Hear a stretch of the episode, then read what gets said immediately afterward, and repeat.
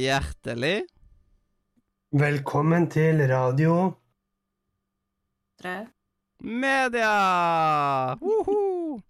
Og da kan vi vel bare ta og starte rett på med å være flink i dag og gjøre sånn som vi skal, med å introdusere de som er her.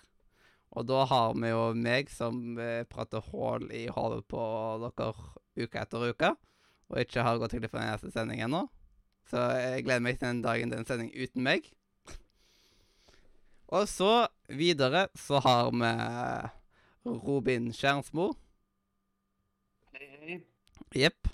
Og så har vi en eh, ja, eh, gjest som har vært med to ganger tidligere, så eh, vi har tydeligvis ennå ikke skremt henne helt vekk. Ikke ennå. Yes. Miss Hildur90, eller Hilde, som man nå kan si. Ja.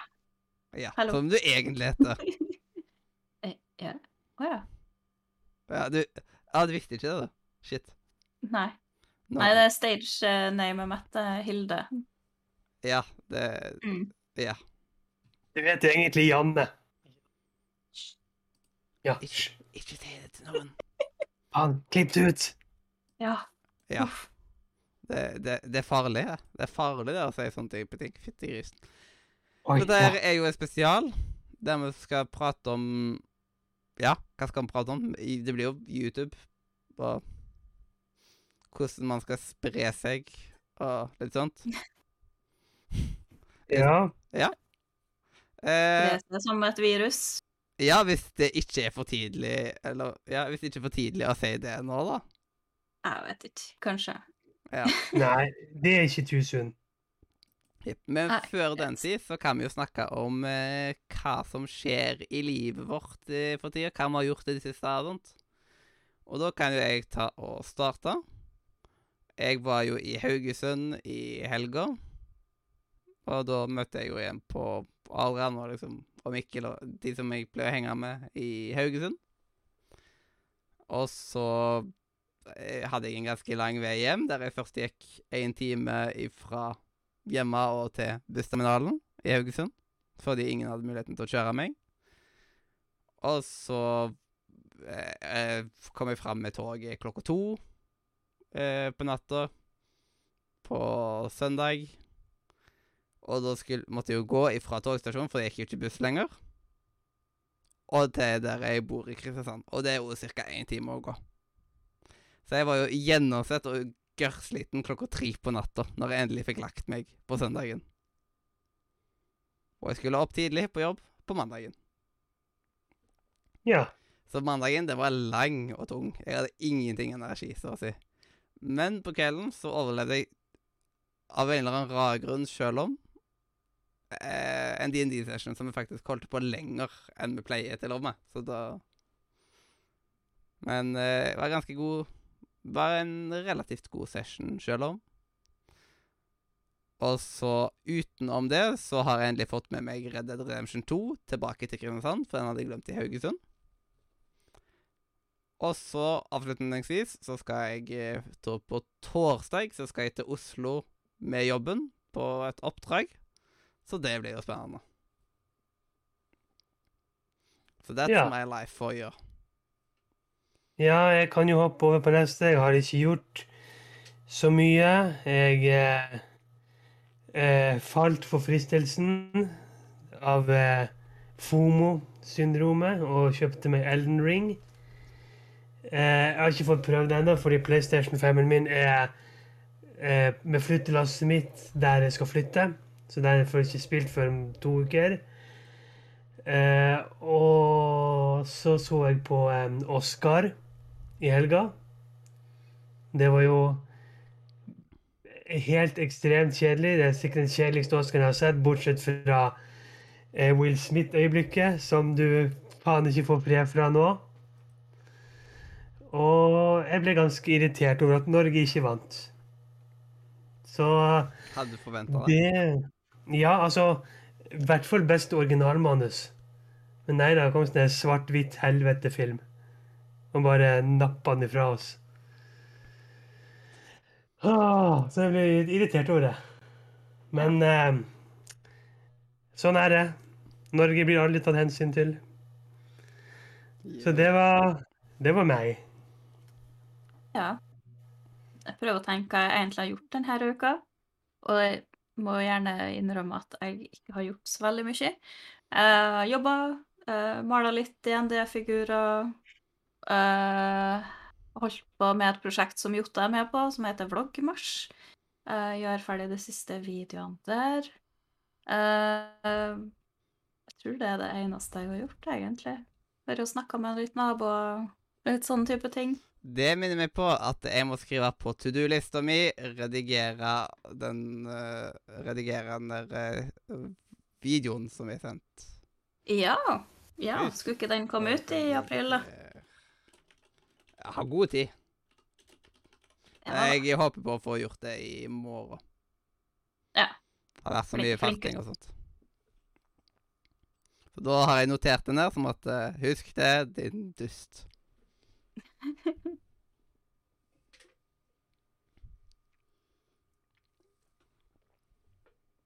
Har bare 90 000 tanker samtidig, så da er det liksom bare så plutselig Ah, pokker, det glemte jeg. Ja, det glemte jeg. Ah, så jeg må skrive ned ting. Hvis ikke. yep. Så går det Jeg har akkurat samme problem, så jeg skriver med liste hver dag, liksom. Hilde, husk å gjøre det. Husk å drikke vann. Uh, husk du skal lage middag. ja, husk å spise, husk å gå på do. Mm. Ja, det, kom- det kommer jeg på. Jeg kom på en ting jeg glemte å nevne, som jeg bare må gjøre. Jeg har hatt en av, en av tidenes verste kinoopplevelser. Jeg var og så en uh, skrekkfilm som heter X.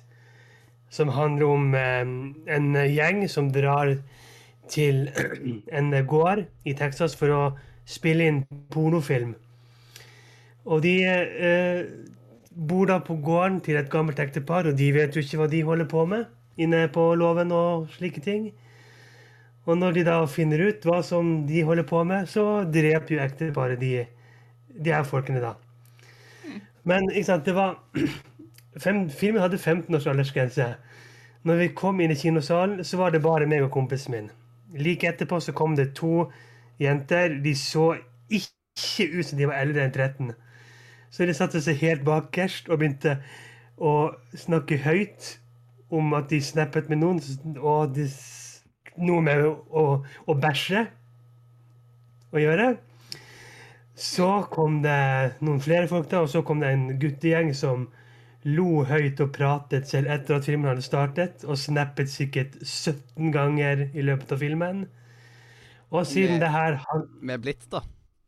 Nei, men med full lysstyrke på mobilen. Ja. Og så, siden det her handlet jo om noen som lagde pornofilm, så fikk vi jo se litt av pornofilmens spilling.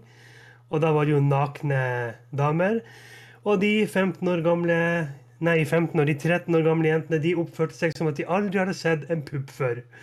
De lo og kniste og bare Pupp! Og det var så jævlig irriterende. Mm. Ja. Ja. Og derfor drar jeg aldri på kino, fordi at det er alltid sånne der folk der Og jeg er lei. Jeg har blitt en gammel, gretten dame som bare sånn her Jeg vil heller se det på min lille dataskjerm, liksom, og bare være helt alene. Ja, den, den skjønner jeg. Jeg gidder ikke å dra alene på kino. Hmm. Jeg kan gå på kino med andre, men alene så går jeg sjelden på kino. Ja. Da venter jeg heller uh, den lille tida det tar før, før det kommer ut. Nei, det er liksom, jeg ser aldri skrekkfilm på kino, for jeg vet at det er sånne 13-årige jenter som tøffer seg, og så går de dit, og så enten så hyler de idet lyset blir slått av, eller så er det sånn som nå at de ikke har sett en pupp i sitt liv. Så det er jenter, det er det er jenter, så det er jenter som ikke har sett en pupp i sitt liv. Ja, tydeligvis, fordi de oppførte seg som om Ja. Mm. De Ja. satt bak meg. Ja, det er sånn liksom, ja, så filmen heter X. Og du må jo ha gjort litt research for at du, før du går og ser den. Du vet jo at det handler om porno. Så liksom, hva hadde du forventet, da? Nei, se det. Det. Kan jo hende at det var deres fi første film hvor de faktisk har sett en pupp, da. Det Kan jo godt hende. Ja. Mm. Det var kanskje et kjempestort øyeblikk for deg. Ja. Men de blir å huske resten av sitt liv. Ja. Ja. Et øyeblikk av overordentlig skjønnhet, sikkert. Mm. Men da kan vi starte med spesialprogrammet som vi har. Ja. Og da er det jo først eh, der vi sier litt hvordan vi tok og starta med YouTube. Så at vi får litt eh, den eh, Ja, vår origin story. Og da Hilde, har du lyst eh, til å gi Valles først? Sette standarden? I 1842, da jeg var ung, Ja. så Nei, jeg har faktisk tiårsjubileum i år, da, på YouTube, så det er litt sånn der wow.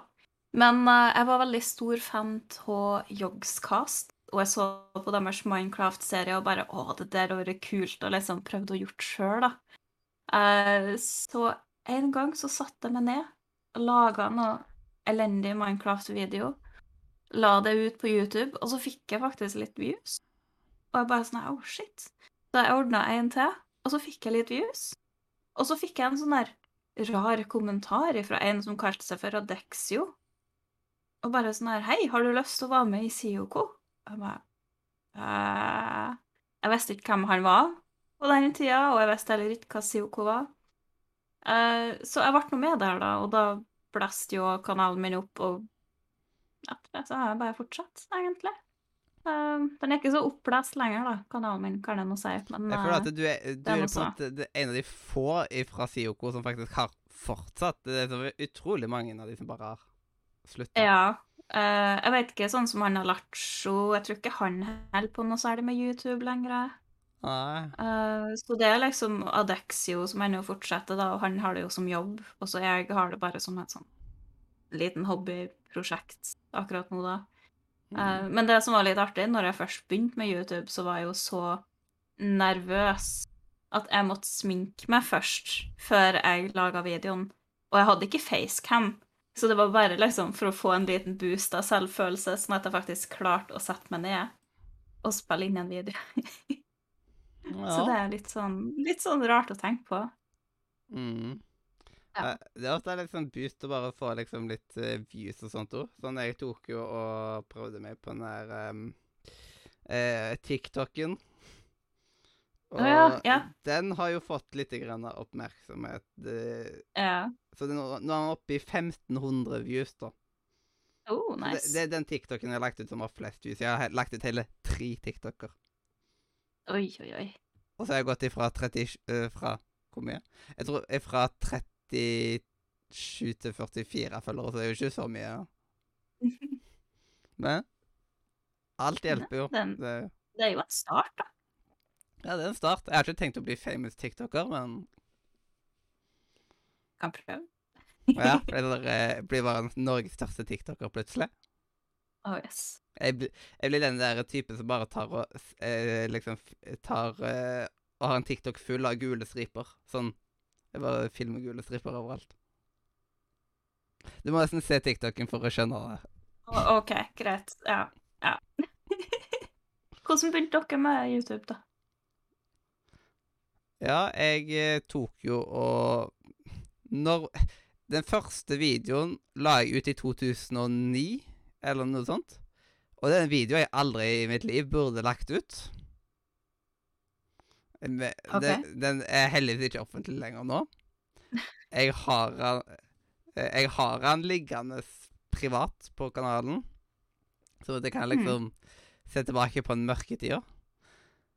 Den første videoen det var bare at jeg tok off At vi var på et sted som heter Gullingen. Og så var vi inne på sånt, et leirrom, og da tok jeg og filma en eh, kamerat. Og vi syntes jo det var så løye at, når han tok og fortalte en historie om bæsj og tiss og sånt. Og jeg lo oss jo halvt i hjel av det. Hmm. Og så, film, eh, så la jeg inn med noen andre videoer i sånn 2010-2011 eller noe sånt. Der vi ikke tok og redigerte noen ting. Vi, Mm. Alt var bare one take. Og da prøvde man liksom å ja, vi for eksempel hadde jeg- noen der vi hadde mordet i Haugesund eller et eller annet sånt, og da var det liksom at vi bare løpte rundt med kamera i mørket, og vi så gjorde nesten ingenting, og det var veldig shake kamera. Og så var det eh, re, ja, masse sånne random ræl, og så lagde jeg litt videoer med lillebroren min, og da, da var det one take, men vi jo, da tenkte vi at vi må jo ha det litt proft, så vi trenger rulletekst. Og da skrev, hadde jeg skrevet på et ark, og viste arket foran kamera. Det var liksom, det var skikkelig sånn hjemmefilmfil. Uff. Det er liksom det, det er så gale at liksom Noen har jo bare sånn åh, det er så kleint. Men dette her dette er faktisk megakleint, opplegget. Ja. Det, det Men det er jo sikkert, sikkert noe å ha artig å se på liksom sånn lenge i ettertid, da. Ja, du er sånn her 50 år, Ja. Liksom. Ja, ja, det jeg gjorde når jeg var ung. Ja, det, det er gøyalt å ha tilbake. Og det er en Mm. gave vi har fått når vi tok og starta med YouTube. Tenk på så mye av livet ditt du bare har dokumentert på ulikt vis. Podkasten er jo liksom Jeg har jo utvikla meg mye siden jeg starta podkasten i 2016, for eksempel. Mm. Og bare det i seg sjøl er jo helt sykt. Eh, Ja. Og så eh, Og Nordre Media følger jo faktisk òg ti år i Ja. år.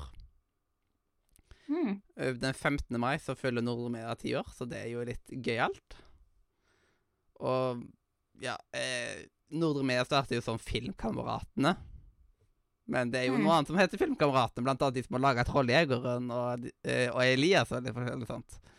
Mm. Så det var jo litt uheldig, men det tenkte jo ikke vi. Vi var to kamerater som tok og likte å lage filmer, og da kalte vi oss Filmkameratene. Og da leide vi mange elendige filmer og la det ut på YouTube, og de fikk vanvittig mye eh, views på kort tid. Fordi vi var ukritiske og delte det på, på, på private Facebook. Fikk masse hate og alt dette greiene her. Mm. Så Ja. da var det jo flere av de nådde jo 1000 views, og det var jo skittige videoer. Så Men det var så lett å få masse views på skittige videoer før i tida. Jeg skjønner ikke Mm. greia med det. Det Og var vel så for at det var mindre innhold, og det var mer liksom Eller mindre krav om kvalitet, tror Ja. jeg. Og så var jeg jo på filmkurs med Genesis Film, og da fikk jeg en skikkelig boost på dette med å lage videoer. Og da begynte jeg å redigere redigere videoer og gjøre det litt mer skikkelig, da. Men det, var, det så jo ikke ut da heller. Men da leide jeg mye ræl. Blant annet etter hvert så leide jeg jo Broderskapet Sioko. Og det er liksom noe av det eldste som faktisk ligger offentlig i dag, iallfall på Nordre Media-kanalen.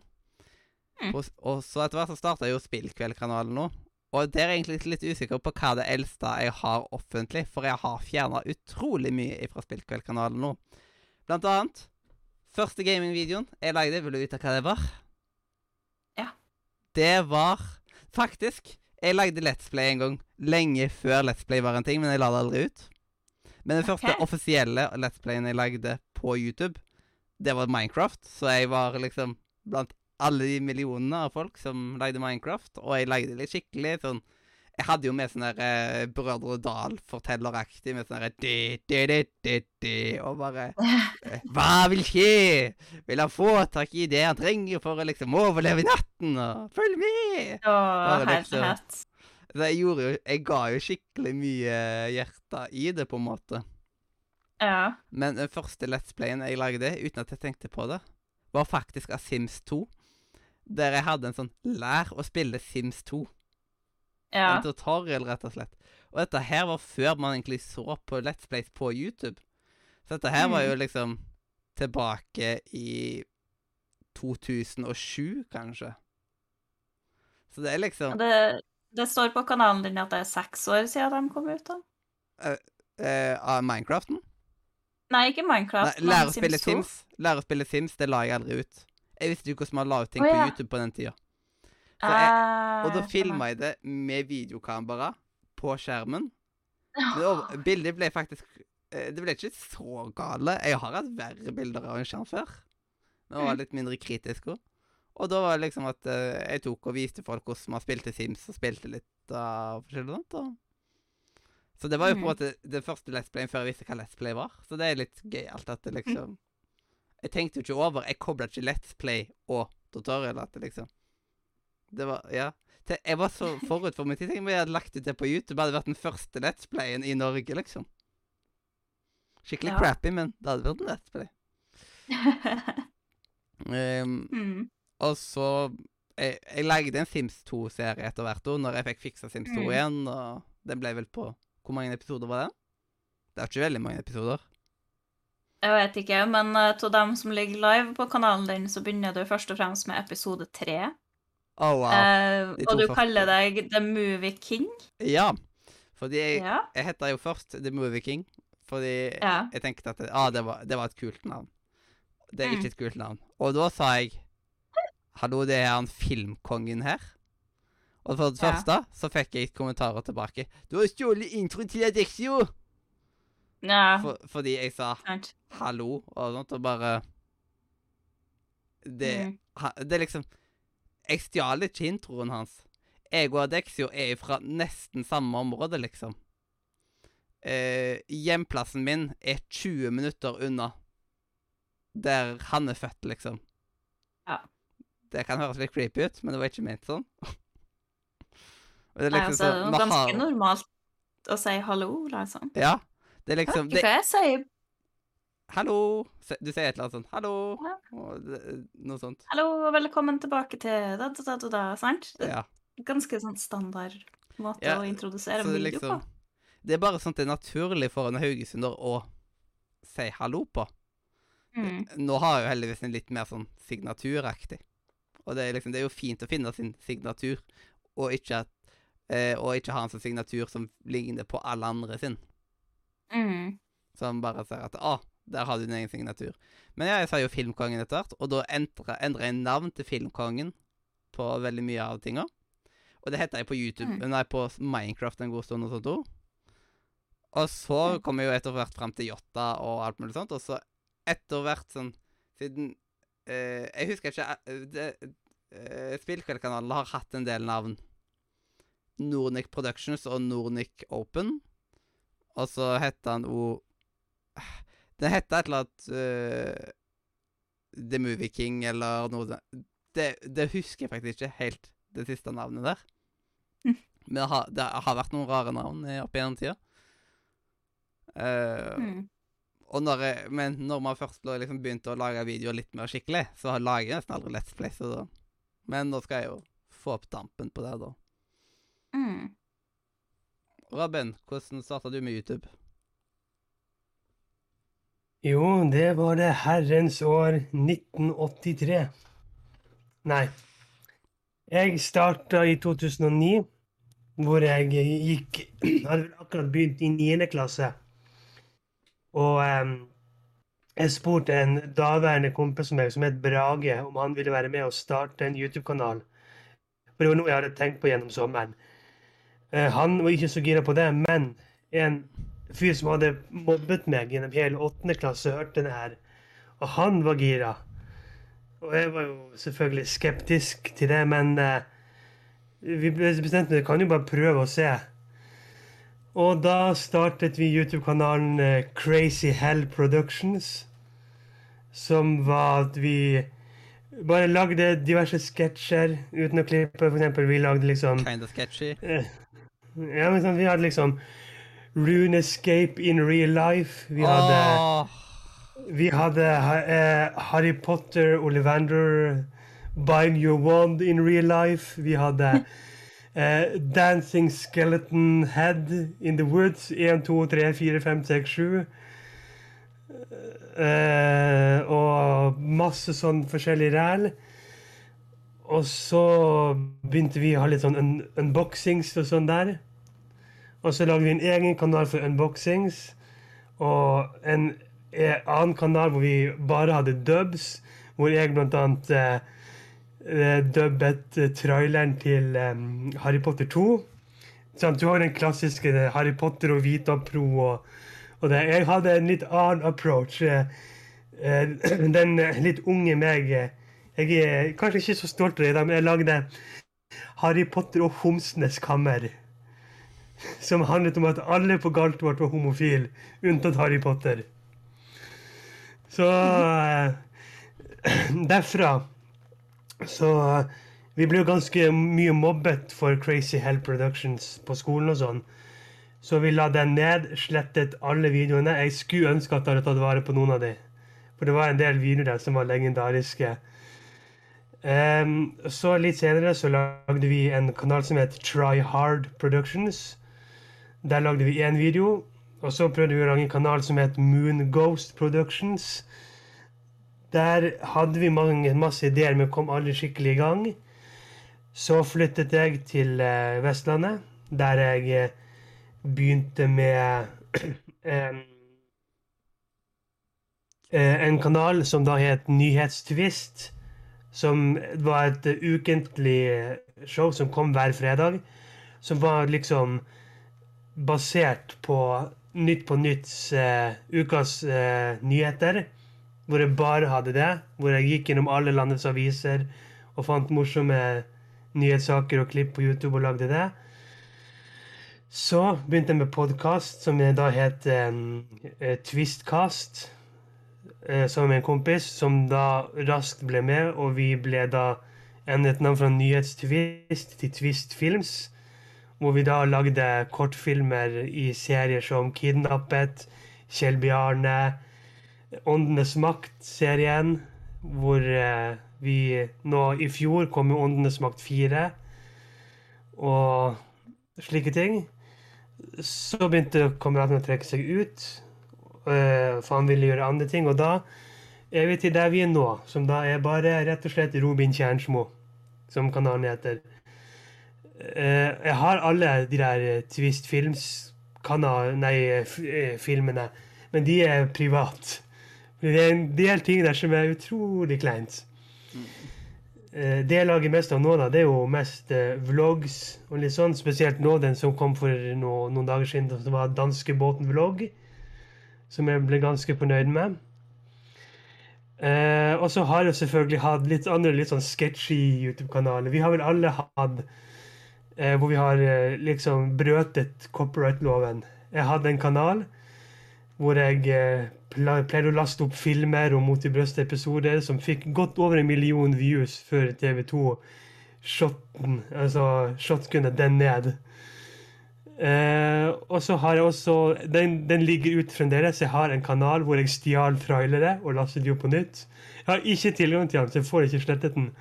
Men en spesiell trailer, hvis du søker den opp, så er det den første som kommer opp. Og den har godt over 60 000 views. Om ikke 70 000 views. Ja, uh, og det er liksom Jeg hater det når folk skal slette videoer. Det er jo mye lurere å bare putte de som privat eller unlisted. Før så kunne man jo ikke putte det som unlisted, siden unlisted var ikke en ting før. Mhm. Men nå kan man jo faktisk sette det som unlisted. Ja, det, det er liksom derfor med den Robin Kjernsmo-kanalen nå Alle videoer er fjerner, de gjør det bare privat. Mm. Slik at jeg har muligheten til å se de i ettertid. Ja, siden det er jo en, det er en del av historien, på en måte. En del av livet. Tenk på liksom når du kan gå tilbake om 50 år, og så er det liksom Ja. Oi. Eller ja. Om, om 50 år bare Ja, i 2022 var jeg på danskebåten. Åh, det var livet, det. Altså, jeg er kjempeglad for at vi ble på at vi på folkehøyskolen ble pusha til å lage en vlogg ifra Japan-turen. Mhm. For jeg hadde nok ikke endt opp med å lage en vlogg hvis ikke, på en måte. Og jeg er kjempeglad for at jeg lagde denne vloggen, for det er et utrolig Ja, ja. fint ferieminne. Ja, altså, jeg har jo mange vlogger. Jeg, jeg har sikkert, Med de som er private, jeg har sikkert i hvert fall nesten opp mot ti vlogger. Og jeg har jo en vlogg nå som jeg planlegger nå, som kommer ut i september. Men det er fordi jeg får ikke reist dit jeg skal før i august. Derfor så kommer den vloggen i september. Mm. Så vi har jo litt forskjellige YouTube-backgrounds. Sånn Ja. forskjellige opplevelser med YouTube. Men liksom, jeg husker liksom bare vår, altså meg og min kompis, vår storhetstid på Twist Films. Hvor vi liksom, vi fikk en god del views, og liksom Nokså store youtubere begynte å vite hvem vi var. Eksempel når vi var på SpillExpo, Prevs og Dennis visste hvem vi var på det tidspunktet. Og det var liksom bare sånn wow. De vet hvem jeg er! Liksom. Så det var ganske stort. Så jeg, jeg har jo møtt stort sett alle norske youtubere som var store i sin tid. Ikke de der småbarna som herjer rundt i dag. Men liksom Den eneste av de der OGs jeg faktisk ikke har møtt ennå, det er jo egentlig Adexio. Mm. Bortsett fra det, så er hele katalogen kryssa ut. Ja. Ja, det det, det er rart hvor mye lettere det var å få views før i tida, på en måte. Ja, det det er jo- så jævlig sant. Hva var det med algoritmen til YouTube? Hva var det som skjedde, på en måte? Nei, Jeg tror det var litt det at det ikke var noe særlig algoritmer på den tida, mens så nå så er det liksom så masse sånne her forskjellige sånne småting bak som vi ikke liksom klarer helt å forstå. Ja, og nå er det så mange nå. Det er jo en milliard, eller ja, mer egentlig enn det. En, trilliard eh, timer med Minecraft-innhold på YouTube, liksom, så Men jeg, jeg, jeg skulle bare si, siden det nevnte det, at begge dere to har over ti år på YouTube. da, så altså, Jeg er jo nå på mitt nå, hva er det nå, tolvte året nå. Eller noe Mhm. sånt. Tolvte-trettende året. Ja. mm. Eh, Var det noe du prøvde å komme fram til? Nei, jeg, jeg tenkte bare jeg, jeg, glemte bare å nevne det. Og siden ja, du, ja. og, og siden du snikskrøt om TikTok i sted, så kan jeg si at min beste TikTok-video har 2117 views. Ja, det må være lov å snikskryte litt innimellom. Ja, men liksom sant, jeg har Hvor mange videoer er det jeg har? Jeg har én, to, tre, fire, fem, seks videoer som har over 1000 views. Jepp. Vil dere vite noen av titlene på noen av de videoene som ingen kan se lenger? Ja, kjør på. En som heter Mathias Film 005. Og så Scary Og så den der med bæsj og tiss og sånt. Det står Scary Face, bare. Med bare små bokstaver. Og to r-er i Scary. Ja. -hmm. ja. For jeg visste ikke hvordan man skrev det. Nei, men altså, vi hadde det samme, vi òg. Liksom, vi lagde masse sånne challenge-videoer. Vi visste ikke hvordan challenge skrev, så vi skrev challenge. Mm. Banan-challenge, brus-challenge. Ja. Og så eh, lagde jeg eh, Talking Tom av Matti. Og så to Mm. videoer som heter Mordet i Haugesund. Titlene er helt like. Men den ene var i 3 minutter og 37 sekunder, og den andre i 4 minutter og 26 sekunder. Mhm. Så det, liksom, det gir jo ingen mening i det hele tatt. Eh, og så hadde jeg to, reklamefilm for sam eh, to reklamefilmer for samme leir, rett etter hverandre. Så det, det er utrolig mye fjas der. Men plutselig så lagde jeg en reklamefilm for Mot i brøstet, og den fikk jo 7000 views. Det var sånn Mm. Plutselig så var det ting som fikk eh, mye views, og så Ahmed i knipe, som fikk over 1000 views. Og, men den kom det jo litt ja, trøbbel og sånt med. Og disse videoene her, som der når man plutselig begynte å få en del views på enkelte videoer, de ble jo lagt ut helt tilbake i 2012, så Jeg kan si min mest sette video har 7500, og det er en kilos burger challenge. Og så hvis vi bare sjekker her Den eldste videoen som er tilgjengelig på spillkveld Oi! Det, hvorfor har jeg den ute, av alle ting? Eh, det er Movie King spiller Call of Duty Black Ops 2. Ja. Som da er i 2014. Så det er den eldste videoen som er liksom tilgjengelig der. Og så er det masse Wow. greier som er privat. Hmm. Ja, bla, eh, sånn, blant annet en Sims 3-serie, og starten av Sims 2-serien. Ja. Jeg vet ikke hvorfor jeg har gjort det sånn. Skal jeg Det er bare, vel ingen som vet. ja, skal jeg bare gjøre sånt? Yolo. Nå, nå jeg, gjør jeg sånn som at de ligger offentlig sammen med resten av videoene. Ja. welcome, Earth. Eller, Eller beklage, alt etter Ja. sånn. Ja, alt ettersom, egentlig. Ja. Det jeg har gjort med mine verste videoer, at jeg har lagt dem som sånn der eh, Hva det heter når de er ikke private og ikke offentlige, men sånn midt imellom. Ja, unlisted. Uh, unlisted. Og så har jeg ordna en egen spilleliste for dem som heter Gamle drittvideoer. Så er det sånn Mm. her Har dere lyst til å se dem? Hvis dere virkelig har lyst til å se hvordan jeg starta. Og jeg anbefaler det ikke. Så se der. Da vet jeg hva jeg skal se på i kveld. da. Ja, same. Jeg skal også ta meg en liten titt. Minecraft episode 1. Grav deg ned i tide. Eller Åh, noe sånt der. Med den pipestemmen jeg hadde. Åh, gode noen. Og så forsiktig jeg snakka. Jeg var så redd. mens nå, liksom sitter man og bruker evigheter på en eller annen video, og føler seg veldig fornøyd med resultatet, og får fem views. Jepp. Det- De gangene jeg runder 100 views, så er jeg kjempefornøyd nå, liksom. Ja, jeg òg. Liksom Mm. Før så bare tenkte jeg at det var obvious å få liksom Ja, men det er det samme, samme med meg. Sånn som i vår tid. Vi kunne lett få 100, 2, 3, 4, opptil ja, 2000-3000 views. Mens nå, den siste den der Danmarksvloggen, den har bare 93 views. Og den holdt jeg på i flere timer på. Ja. Der ble jeg egentlig jævlig skuffa, egentlig. Hmm. ja, Ikke eh, sånn eh, Vloggmars-videoene, de er jo alle under 100, vel? Mm, ja, jeg tror det. Kan hende at noen av mine Jeg la jo ut her, en i dag, blant annet. Ja, men den kan vi views, jo og ikke den se fra på- forrige uke var 37 views. ja. Så det, liksom, det er jo ikke veldig mye, og det er ganske mange timer oppi der. Den som har flest views fra Vloggmars i år, er årets spill 2021, som har 63 views. Oi, oi, oi. Så liksom, det ligger ganske mange timer bak og sånt. Og jeg føler at jeg har gjort at det er laga veldig proft uten å liksom skryte for mye av seg sjøl, på en måte. Men årets vloggmars-videoer er mye bedre enn mange av de tidligere årene jeg har laga vloggings. Jeg syns du alltid egentlig har laga veldig gode vloggmarsjvideoer. Jeg syns de første vloggmarsjvideoene jeg lagde, var helt krisedårlige.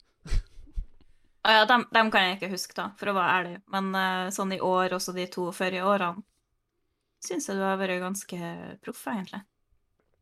Jeg vet ikke, jeg ser mine vloggmarsj-videoer ligger på et gjennomsnitt på 130, og det er vel egentlig ganske godt i forhold til resten av kanalen min, så Ja. yes, det er ikke så enkelt å nå folk. Mm. Nei, det er ikke det. før vi går videre på en ting, på liksom neste Mm. ting på programmet, så har jeg lyst til at vi skal ta tak i litt sånn her Siden en ting vi ikke har som en egen ting på programmet i dag, er dette her med trender på YouTube. Og Oh. da er liksom Jeg skjønner meg ikke på sånn, Dette her har jeg ranta til deg allerede litt til det, på meldinga. Mm. Jeg, jeg har Ja. det bare ranta til deg noen ganger om dette det er noe YouTube-dritt. Jeg irriterer ræva av meg. Men dette her med YouTube shorts, på en måte. At uh, Ja. de legger ut videoer som bare er i under et minutt og sånt. Og jeg Mhm. skjønner ikke poenget med det, på en måte. Det er liksom YouTube wannabe TikTok, liksom. Hvis du skal legge ut en så liten, bare legg den ut på TikTok. Den passer mye bedre til det formatet der. Mhm. Jeg gidder ikke, å se, jeg gidder ikke å Mm. se fem reklamer for å se en video på 40 sekunder. Det gidder jeg ikke. Nei. Men tingen er at alle sosiale medier prøver nå å etterligne TikTok fordi at det har blitt så poppis. Så det er liksom sånn her Facebook har en form for det, Instagram har en form for det, eh, YouTube har en form for det. Alle de sosiale Så- mediene de, følger etter hverandre, på en måte. Så Mm. det er liksom Instagram prøver å være TikTok, eh, og de prøver vel å være bitte litt Snapchat. Eh, Snapchat prøver å Mm. være TikTok, og Ja, de, de går så mye inn i hverandre, og det er bare irriterende. La de være sånn som de er, på en måte. La de være sånn. Ja. Ja. det er akkurat det. Og så bruker de veldig mye sånne algoritmer som skal gjøre at sånn som shorts, eh, du når ut til veldig mange flere enn hvis du bare legger ut en vanlig YouTube-video for tida. Og det er det samme på Instagram, at der de kaller det for reels, da. Legger du ut en sånn, så når du mye flere folk enn hvis du bare legger ut et bilde eller en video. Og Ja. det skal liksom gjøre folk mer obs på det og liksom bruke det mer, da, sant? Men så kan du ikke bare ta en TikTok-video du har laga og legge ut på Instagram, at hvis det er en, en TikTok-logo på den, så når du til mindre personer enn hvis du ikke har den logoen der. Fordi at algoritmen, den, den ser liksom den der lille logoen og bare sånn her Nope, det vil vi ikke ha her. Det er en konkurrent. oh, wow. Så det er liksom så Ja, det er jo egne som programmer som kan laste, der folk kan laste ned TikToks uten å ha vannmerke på. og bare sånn. Ah, Ja. meg. Er det der vi har kommet i dag? Ja, man må da nesten det for å henge med, da. For sånn som på Instagram så er det, og Facebook og for så vidt YouTube òg, så er det kjempevanskelig å nå nye folk. Sånn som det er nå til dags, hvis du ikke liksom virkelig finner ut hva en trend kommer til å bli, og så henger deg på den. Ja. F.eks. For eksempel at det er et spill som du ser det her kommer til å bli megapopulært, og så er du en av de første som liksom slenger deg med på det. Noe av det som faktisk forma Nordre Media til liksom noe mer av det det ble etter hvert. Når vi gikk fra å bare Mm. være en filmgruppe til å bli mer en mediegruppe som skulle ta og i tillegg, I tillegg til å lage de videoene vi gjorde, så skulle vi òg ta og være en, en tjeneste for Nordre Misjonskirke som tok og eide oss da på den tida. Mm. Eh, og eh, det var i starten av dette med Facebook Live, at man kan, kunne begynne å livestreame på Facebook. Og skulle, da tok vi liksom Vi skulle hjelpe til med promotering, med at vi da tok og var eh, Kom og liksom hjalp dem med å liksom ha en liten, sånn liten Facebook Live-greie før de skulle For å få flere folk til å komme. Jeg vet ikke om det hjalp, men Mm. Men det var jo en ting som Facebook har jo pusha dere livestreamen så sykt mye gjorde, at hvis du går live på Facebook, så får alle det opp i feeden sin. Ja. Og du sitter oppe i 100 views veldig ofte. Mm. Og nå er jo det Ja. blitt mer og mer vanlig opp på Instagram, liksom. Mm. Ja, det er jo en ting som Instagram pusher. Og det er jo igjen, det er jo bare for å konkurrere med liksom Twitch, for eksempel, da. Ja. Det er jo derfor Facebook-gaming har blitt en ting, liksom. Eh, ja kom, etter hvert kommer vel Instagram gaming òg, etter hvert, vil jeg tippe. ah, Jeg veit ikke. Det Det er ikke forundrende. meg. Nei, det, det har ikke det. Jeg bare grøsser når jeg tenker på det. Ja. Og det er liksom, jeg har jo pleid Jeg får jo push-varsel opp på den måten, og sosiale medier de trykker jo oftere på push-varslene, og plutselig kommer man rett inn i en livesending. Mens det gjør man ikke på Twitch. Jeg får ikke de på Nei. samme måte, liksom. Nei, for da må man enten inn på Twitch, eller så hvis man har mailen sin oppe, så man ser når man får mail. For da kommer det jo liksom opp at ja, den og den streamer. Mm. Men det er ikke det samme, liksom. Det er, ikke, det er veldig mange som ikke har Twitch på telefonen sin. Men Mm. Instagram er en ting du har på telefonen. Ja, veldig mange i alle fall. Mm. Og TikTok har vel ikke- nylig begynt med livestreaming. Ja, det Og det er så irriterende. Nå når jeg blar inn i feeden og ser noen som da. Ja. Det er ikke det du er der for. Ja, det er ikke jeg er der derfor. Jeg er der for kattevideoer og ja, lett underholdning. Mm. Nei, Så det er noen uh, greier Sånn Noen trender på YouTube jeg ikke liker. Ja. Mm. Det er tragiske greier. Men Ja. vi ønsker jo med denne spesialen nå å på en måte eh, Ja, si våre meninger om Ja, hva skal jeg si? Om det å holde på med YouTube. Og liksom, det er jo noen som tenker på at 'Å, jeg vil starte med YouTube' og sånt. og det er så utrolig mye ser du kan drite deg ut, og da tenker jeg at hvorfor kan ikke dere bare lære av våre feil?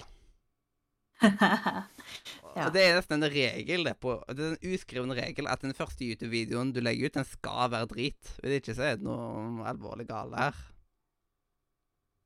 ja, i alle fall dårligere enn den kunne ha vært. Den trenger ikke å være drit. Ja. Uh, for når vi starta med YouTube, så var det jo ikke så veldig vanlig med liksom uh, skikkelig redigeringsprogram, ha skikkelige mikrofoner, bra videoer. eh, altså kvaliteten på videoer og sånn der. Mens nå til dags så er det liksom ganske enkelt, for altså Fuck it, jeg har en halvveis OK telefon, liksom, som jeg bruker til å stri eh, ikke streame, men eh, å lage videoer ifra, liksom. Jepp. Det er eh, så enkelt. Du har det liksom Og det er ganske grei mikrofon der, så det er liksom yes. Bare der så kommer dere så mye lenger enn det vi var når vi starta. Mm. Det som er forskjellen for meg når det gjelder vloggmas-videoene mine i, liksom, i fjor og i år, er at i år så har jeg jo brukt skikkelig mikrofon. Men jeg har Mm. brukt mobilkamera flere steder, som jeg følte at Mm. det var mest praktisk. Eh, og så har jeg jo brukt eh, videokamera og sånt. Men liksom Det viktigste der var liksom at jeg ville ha lyden til å bli god. Så jeg tok Mm. jo opp lyden eksternt, og så tok jeg og liksom synkroniserte det opp etterpå. Og det er Mm. liksom den beste måten, for du, du kan leve med litt smått crappy bilde, men crappy lyd, det går ikke. Det er mange Nei. telefoner der ute som har grei lyd, men hvis du vil Mm. på en måte være hakk over, så sats på god lyd. De fleste Ja. sine første YouTube-videoer de er ofte med at de snakker med med en, eh, på, liksom en sånn headset-mikrofon helt oppi sånn. Nå har ikke jeg den her kobla til, så Mm. dere hører det ikke. Men for dere som ikke ser på video nå, så har jeg mikrofonen helt oppi trynet. Og liksom, de Ja. den her headset-mikrofonen som bare Ja. Oh yes. Det var sånn jeg starta, og det var et eh, helt elendig headset som jeg tror jeg har kjøpt for 200 kroner, og det var absolutt null bass i den. Så min all, allerede liksom ganske lyse stemme ble liksom bare til en sånn piping, mer eller mindre. Så ja. Jeg også starta ja. med headset, liksom, så det, mm. det er jo liksom Det er jo mye bedre enn å starte uten. Nå, så, eh, Ja, ja. mikrofon. Det er det jo. Bare liksom bruke den innebygde mikrofonen på laptopen. Det, ikke gjør det. Mm. Bare, bare, bare ikke gjør det. Det, det blir i hvert fall Nei, ikke og så og så er det òg mye enklere å få tak i liksom sånn gratis bakgrunnsmusikk, for eksempel. Eh, ganske mye annet. Det er òg mye enklere å få til å lage gode thumbnails. Jeg vet mange som starta med paint når de laga thumbnails. Ja, det jeg har vært Um, innom den uh, mørke sida der òg. Dame. Same. Yes. Jeg har lagd blant annet inne på PSAP. Oh. Og det er en helt elendig bilderedigeringsside. Den er bare for å lage sånne collages med venner, liksom, egentlig. Det, Eh, yes. Og jeg brukte det mest uten venner. ja. Så var bare det sjøl. Masse bilder av deg sjøl, liksom, i et sånt det- collage. Ja, ja. Ikke bra i det hele tatt. Jeg har laga så mye drit. Og så Jeg tror på Max heter Paintbrush eller noe sånt. Mm. Så det brukte jeg jo. Og da hadde jeg jo liksom en eller annen Ja, hva heter den fonten? Et eller annet Bauhaus eller noe sånt shit. Og den, den, så, den så ikke ut. Men nå er jeg jo blitt mye mer eh, kresen til hvordan jeg, hva, hva jeg har lyst til å liksom gå for av kvalitet på, på tinga, liksom. Mm. Det er jo litt sånn at man bør jo liksom utvikle seg etter hvert. Ja. Man bør ikke liksom stagnere, sjøl om man har ganske OK videoer, så bør man liksom ja ikke, ja, ikke se deg fornøyd med ting, men samtidig ikke la deg skremme av at du må ha alt skikkelig proft. Ja, det er akkurat det. Vær, vær deg, vær deg sjøl. Det er sånt alle sier. Det er skikkelig klisjé å si det, men bare liksom Ikke, ikke prøv å være en annen YouTuber fordi den YouTuberen er stor.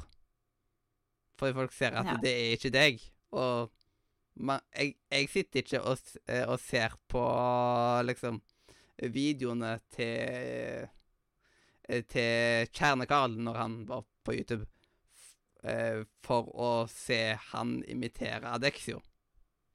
Mm. Det, det er ikke vits i. Nei, man var jo der for han, liksom.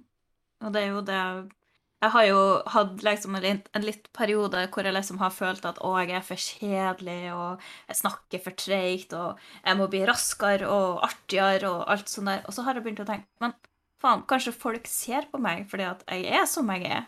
Mm. Kanskje de faktisk liker det? Ja. Jeg vet ikke. Jeg, vet ikke. jeg kan ikke liksom ja, gå må man bare, raskere enn jeg. man må bare på en måte komme ut fra komfortsonen sin til å liksom kunne være seg mer seg sjøl foran kamera. Og det er veldig Mm. mange ikke klarer heller. De er en annen person foran kamera enn det det er Mm. utenfor, og da ser du at denne personen er ikke menneskelig. Men òg det å liksom være det sjøl, men kanskje litt mer eh, Ikke opphøyd, for det blir ikke rette ordet, men liksom litt mer Ikke ekstrem. Hva jeg prøver å finne fram Du er liksom Du tenker litt mer over Ja, du er litt- oppfører deg. Ja, du er litt Du er det sjøl, men du er fremdeles litt mer sånn her gira enn du vanligvis er, og sånn, Litt sant? mer imøtekommende. Det er jo sånn Ja. ting som ja. Mm. Og så pass på at eh, Fokuser lyd framfor bilde. Det er liksom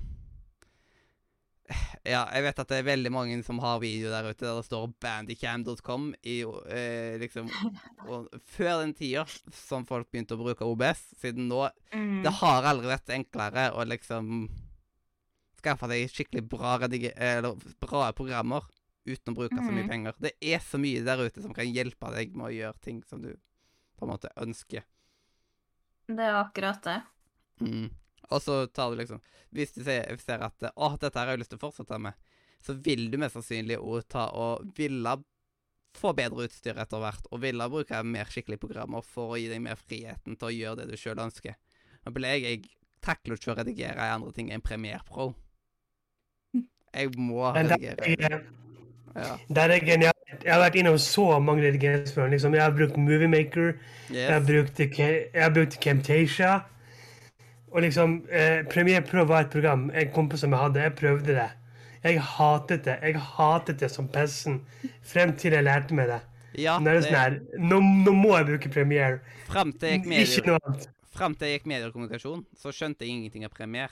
Men når jeg gikk, eh, gikk der, det var Premiere vi brukte. Og jeg fikk Jeg liksom Jeg lærte å bruke det ifra bransjen, på en måte. Så mm -hmm. Og det er jo det som jeg bruker på jobb hver eneste dag og sånt òg. Det er liksom Og så Mhm. når man kan det, så er det ingenting som er bedre enn det.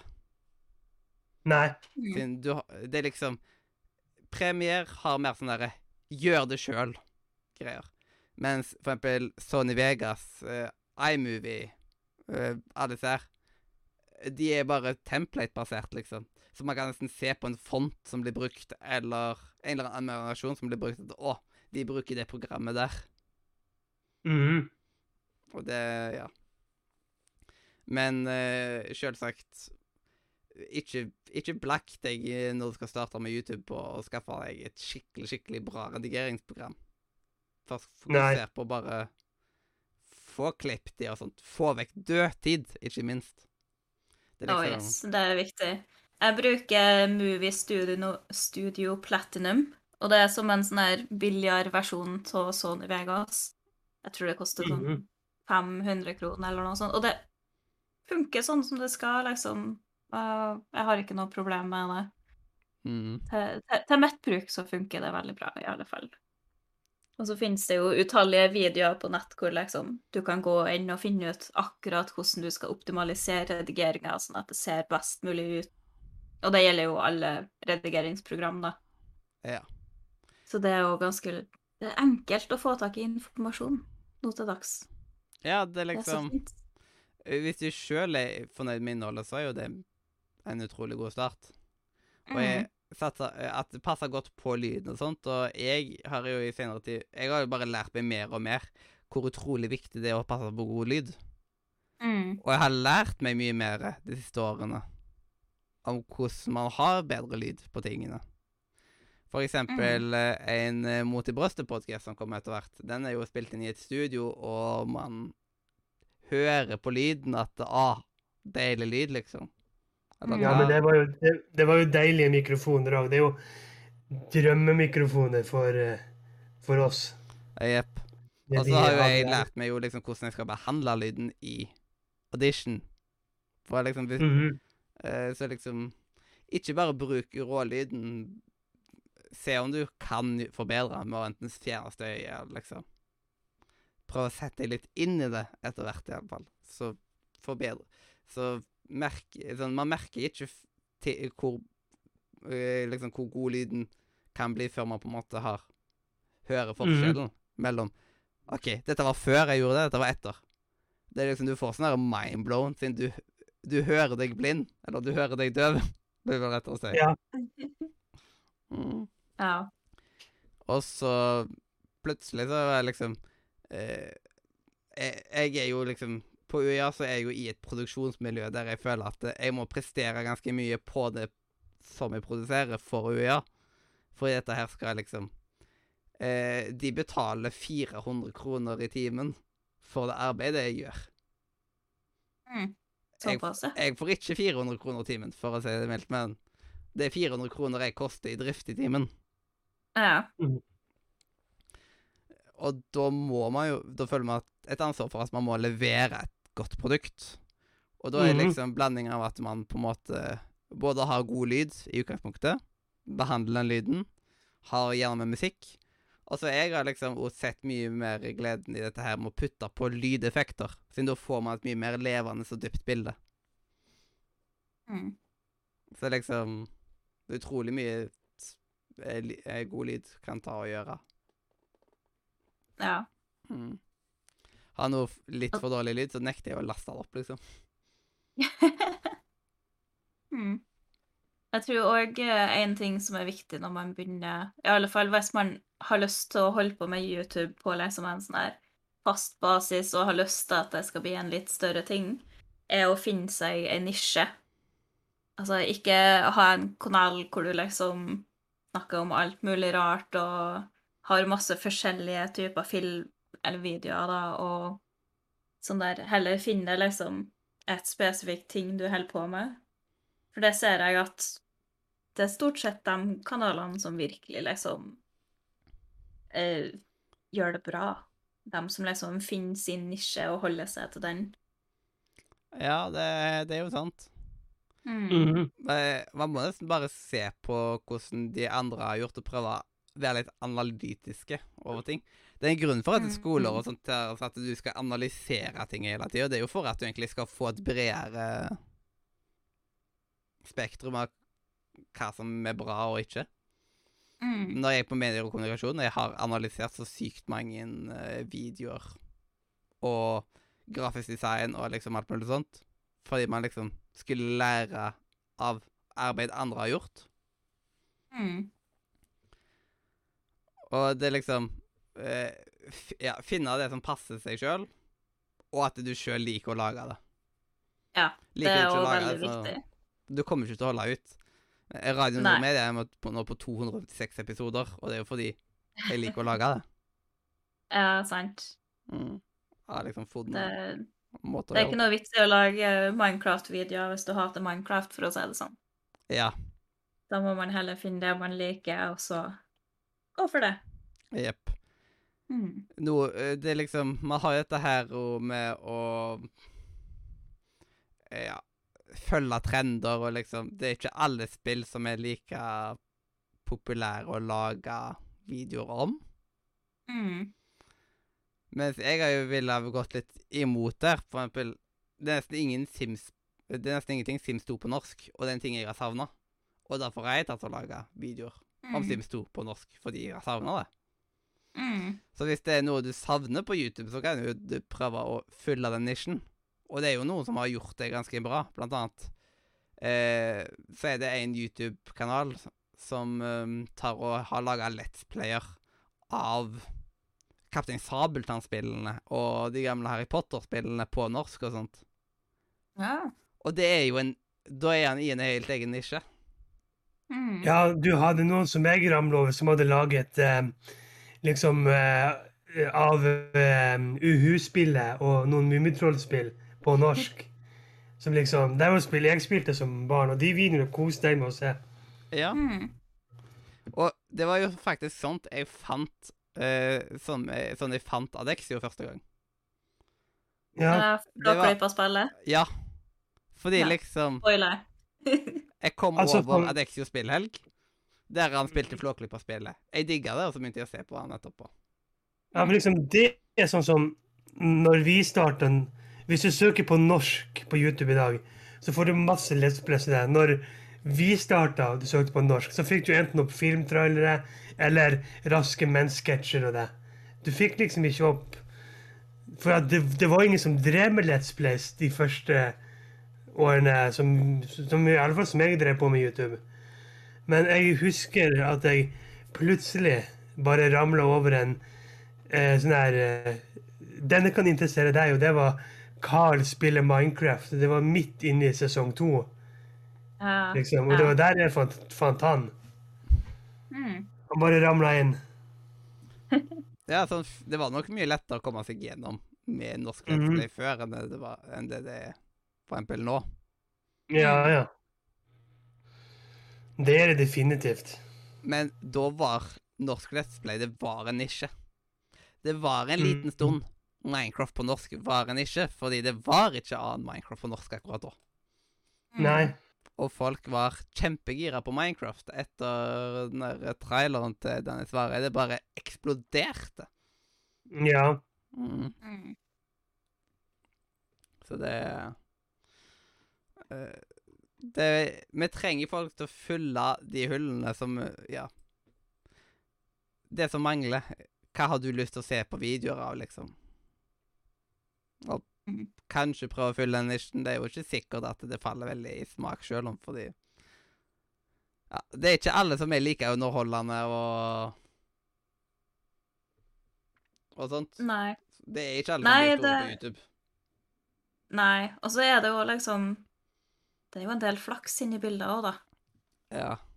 For du kan jo gjøre alt helt perfekt, og likevel er det ingen som oppdager deg. Så det er sånn her Jeg vet ikke. Jeg vet sånn som uh, dere Epic-gutta, uh, Epic Dimitar og Epic uh, Fire, de Mhm. holdt jo på i flere år med YouTube før kanalen deres virkelig blomstra opp. Og det Ja. var jo i den samme tida som de ble med i Sioko, da.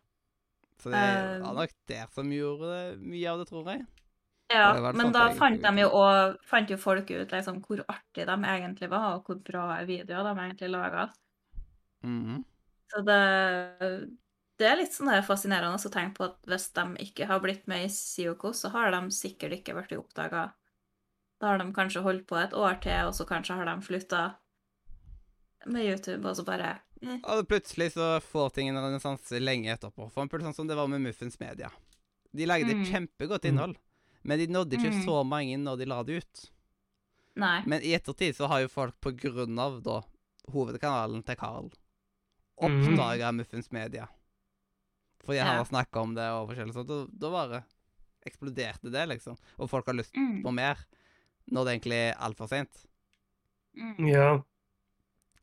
Men Broderskapet Sioko gjorde det faktisk overraskende bra, liksom, seertallmessig. Mm. Det var liksom Jeg vet ikke hva jeg gjorde riktig der. Du hadde vel Sioko i navnet? Ja, kanskje det. Men der skrev jeg det på hei, på, med en S istedenfor. Og dette ja, sant det. Og eh, Sioko det, eh, det navnet kom på før jeg visste hvem Adexio var. Ja vel. Mm. Hvordan i alle Å, herlighet. Jeg søkte opp videoen. Å nei. Å nei. Å nei. Å nei. Jeg har, Ja, det, har jeg ting å se på. Jeg har til og med skrevet den opp på en Post-It, skjønner du. og, s- hæ? Bare sånn der, nei, det, det må jeg sjekke ut, liksom. Nå skrev du det? Nå under sendinga? Ja. Oi. Det er jo navnet på Robin sin kanal òg, for jeg visste faktisk ikke at du hadde din egen kanal. Å ja. Nei, jøss. Det hjelper å det- seg litt.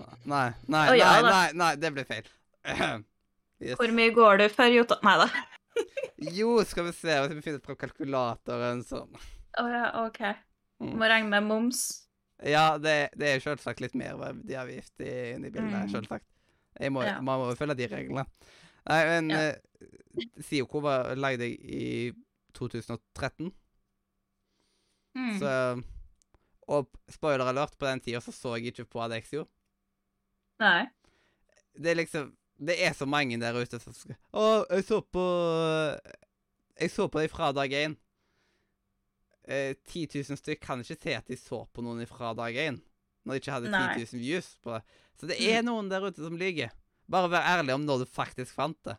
Og om du fant eh, Om du fant en kanal når han hadde 100 views, eller når du fant den når han hadde 10 000 views. Mm. Men eh, jeg har faktisk en lignende historie som eh, eh, Mathias. Fordi at eh, når vi gikk på videregående, så fikk vi i eh, oppgave om å lage en, en liten kortfilm. Og liksom, vi satt og tenkte på hva skal vi hete? Og jeg bare jeg sa ja, vi kan kalle vi filmen for Breaking Bad. Og jeg visste ikke at det var en serie som het Breaking Bad på det tidspunktet. Før mange år etterpå. Ja, litt sånn som Oh, med wow. Filmkameraten nå. Siden jeg visste ikke hvem Filmkameratene var, men det var så enkelt og greit navn. Mm.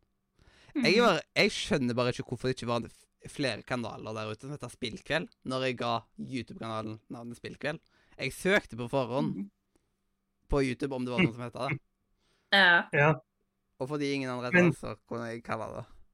Men jeg må spørre dere, siden den, har, har dere blitt gjenkjent på gata, og folk har kommet bort og spurt om å ta bilde med dere? Eh, Ja. Ja. Eh, senest her for et par uker siden så var det en eh, ungdom innom butikken der jeg sto og jobba. Og så snakka vi nå litt i lag, for han hadde med seg en motorsykkelhjelm, og han har putta matvarer oppi den.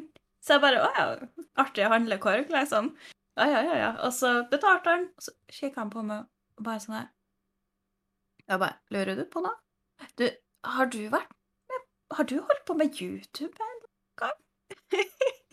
Jeg bare Ja. «Eh, Ja, har jeg. Heller nå egentlig litt på ennå, da, men uh, i litt mindre stil enn før. Mm. Han spurte ikke etter bildet, da, men han sa han var en tidligere fan, så han har tydeligvis sett på meg mens han vokste opp. Ja, for liksom Så- på meg Nei, var du ferdig? Ja, ja. Jeg skal si med meg, jeg liksom Jeg har tre sånn korte historier. En hvor jeg gikk rundt i gata i Bergen. Sånn, jeg hadde på meg hette og solbriller. Så kommer det en liten gutt bort på sparkesykkel. Aner ikke hvem det er. Bare 'Hei, Robin!' Og så sparket han bort. ja. Og jeg bare Jaha, hvem, hvem var det? Og så eh, litt senere så var jeg også gikk ut. Da hadde jeg ikke briller eller sånt på. Men da kom det en fyr bort og spurte om å få ta bilde med meg. Og jeg bare OK, jaha, ja, ja, ja, vær så god, kjør på. Og siste gang, det var nå på Spillekspo i 2019. Da kom det en jeg vet ikke hvor gammel han kan ha vært, 11-12. Kom han bort og spurte om å ta bilde med meg, og han skalv sånn. Så han måtte, han måtte ta bilde to ganger. Jeg var sånn her Hvorfor ser du det til meg? Jeg er jo ikke stor! Så det er liksom Ja. Jeg opplevde det én gang, og det var liksom, det var litt creepy. For jeg, jeg vet ikke hvem du er. Hvorfor vet du ikke er? That's creepy. Ja. ja. Ja, nei. nei. Når jeg har vært på liksom sånn der TG, og jeg var et år på Torukon, da har det vært liksom folk som har sett at jeg har lagt ut ting f.eks. på Instagram, og bare 'Hei, kan vi møtes, så vi kan ta bilde i lag?' Mhm. Og det er jo litt, ja, helt greit, liksom. Veldig kleint, da, for jeg er jo en usosial potet. Men altså Det er jo veldig Ja. trivelig òg, da. ja, det er jo Det er rart, men koselig. Ja, det, det er akkurat det. Det kan bli veldig, veldig rart, liksom. Og spesielt hvis man ikke forventer det i hele tatt, og så plutselig mm. kommer noen og bare 'Hei, kan jeg ta bilde av deg?' Mm, eh, Ja, altså, Hvorfor- hvorfor, vil, hvorfor hvor, hvorfor vil du ha bilde av meg? Dere så rar ut i dag, liksom. Ja. Ja. Ah, nei. Eh, vi har jo vært litt grann innom det siden vi tok og smugstarta på det når vi kom på innholdet. Men Mhm. andre tingen er jo da etterarbeid, sånn der redigering og thumbnails. ja. Og det, da kan vi bare gjenta litt at uh, rediger videoene, ikke last de opp uredigert. Mm. Selv om ting Det blir mer og mer den det, YouTube Shorts virker som at det er litt den stilen igjen. At de bare tar opp kamera og filmer i 40 sekunder. Stopper filminga, laster opp. Mm. Men sånn som det, det du sa med thumbnail Vi har jo snakket litt om det, Mathias. Vanligvis så Eller før så brukte jeg Photoshop. Og så ble jeg litt for lat, så jeg fant bare et bra bilde og lagde thumbnail inn i Premiere. Men på den danske båtvloggen så brukte jeg eh, Photoshop igjen. Men altså vanligvis så bruker jeg ikke så lang tid på thumbnail. Jeg finner noe morsomt inne i selve videoen og lager bare en thumbnail inn i Premiere. Mm. Mm, Mens jeg hater eh, når folk lager thumbnails i Photoshop. Jeg vet det. Jeg sendte, Ja. jeg sendte deg bilde at du drev med Photoshopen til den danske vloggen, og du bare Hva faen?! Ja. Hvorfor hater du det, Jota? Hvorfor hater du meg? Hva er det du Ja. Nei da. Jeg, vil- Hva jeg tenker er- meg at du lager det. Og jeg, Forklar det sjøl. ja, jeg, er- jeg er rimelig sikker på at O Adeccio lager sine thumbnails i Photoshop. Ja, det gjør han. altså, kan, kan jeg få spørre, hva har Photoshop gjort deg? Har Photoshop vært, vært utro mot deg, eller? Eh, Photoshop Hva? det er et bildebehandlingsprogram. Det er, ikke, Ja, det er ikke ment for typografi. Typografi er det som man bruker på thumbnails. Så ja, sånn, du kan godt være innom Photoshop, men den ferdige fremdelsen skal ikke være ifra Photoshop. Det, For det- det er liksom De det- har jo en tekstfunksjon. De Ja, har det- masse forskjellige layers. Jeg hater Og... at den tekstfunksjonen er så lett å finne. Den burde vært dritvanskelig å finne. På grunn av den tekstfunksjonen så bruker folk Photoshop til alt. Hadde du gått medie og kommunikasjon, så hadde du gått ned en karakter bare for å bruke Photoshop. Ja, men hvorfor skal man ikke bruke Photoshop til tekst? Nå må du forklare, liksom, for det ser jo brukbart ut, liksom. Ja, sånn, siden den har jo fontene. Men eh, der er det mer laga for at du kanskje skal ta og bruke tekstene som et bildeelement, kanskje. Ha teksten som en bilderamme, eller gjøre et eller annet skikkelig fancy-smancy. Det er mer sånn for å behandle det på den måten. Men i ettertid så er det mye bedre å sette tekstene i enten Adobe InDesign eller Illustrator. Siden da Det er liksom Det er mye mer laga for typografi, liksom, til å liksom Du står mye mer fritt til hvordan du skal bruke tekstene og ja. Eh, Men jeg kan ikke de to programmene. I Photoshop så har du jo én milliard layers, og så skal du finne tekstlayeren, og så bare Ja. Det er ikke noe problem, for jeg har jo system i sakene mine. Ja, jeg òg på Photoshopen min. Yep. Du er i mindretall her, Jota. Ja, Det er på grunn av at jeg jeg. Ja, det er, det er på grunn av at jeg bare gikk på mediekommunikasjon. og det er liksom Kanskje. sånn Det er på den delen min utdannelse. Jeg har ikke min utdannelse innenfor eh, regi eller forfatter eller noe som helst sånt. Så der har jeg ikke så mye å kunne sagt. Men akkurat på liksom det tekniske så har jeg noe jeg kan sagt. Mm. Siden Ja, ja. der så er det sånn at uh, de ser det er en trend òg blant elevene på mediekommunikasjon at de bruker Photoshop til alt. Fordi det er det de lærer seg først. Fordi det er det som er inn å bruke. Og da lærer de aldri InDesign og sånt, og da er liksom Og InDesign er egentlig den som er bransjestandarden. Så liksom Mm. Men man må Men trenger man. Trenger man å forholde seg til bransjestandarden når man driver og lager ei YouTube-video som 100 noe personer kanskje ser? Nei, sånn eh, Hvis du bare lager for 100 personer, så er det liksom Da er det ikke forventa at du bruker noe særlig penger på YouTube eller Mm. Men altså, så, sånn Hadde du sett hadde du sett forskjell hvis de hadde sendt deg en thumbnail eller lagd i Photoshop kontra Premiere? Photoshop kontra Premiere Sånn der, jeg eh, Det er liksom eh, Jeg føler ikke at det er så mange som lager thumbnail i Premiere. Det er bare, det er bare jeg som gjør det. Mm. Kanskje. Mm. Det er bare Jeg jeg har- som er rar. Kanskje. Jeg har laga et par thumbnails liksom i Canva, da. Liksom bare på mobilen min for å slenge i hop noe. Mm. Hva du syns om det, da, Jota? Får du vondt i sjela di av det? Jeg tror ikke jeg skal gå inn på det med thumbnailsen til andre. Uh.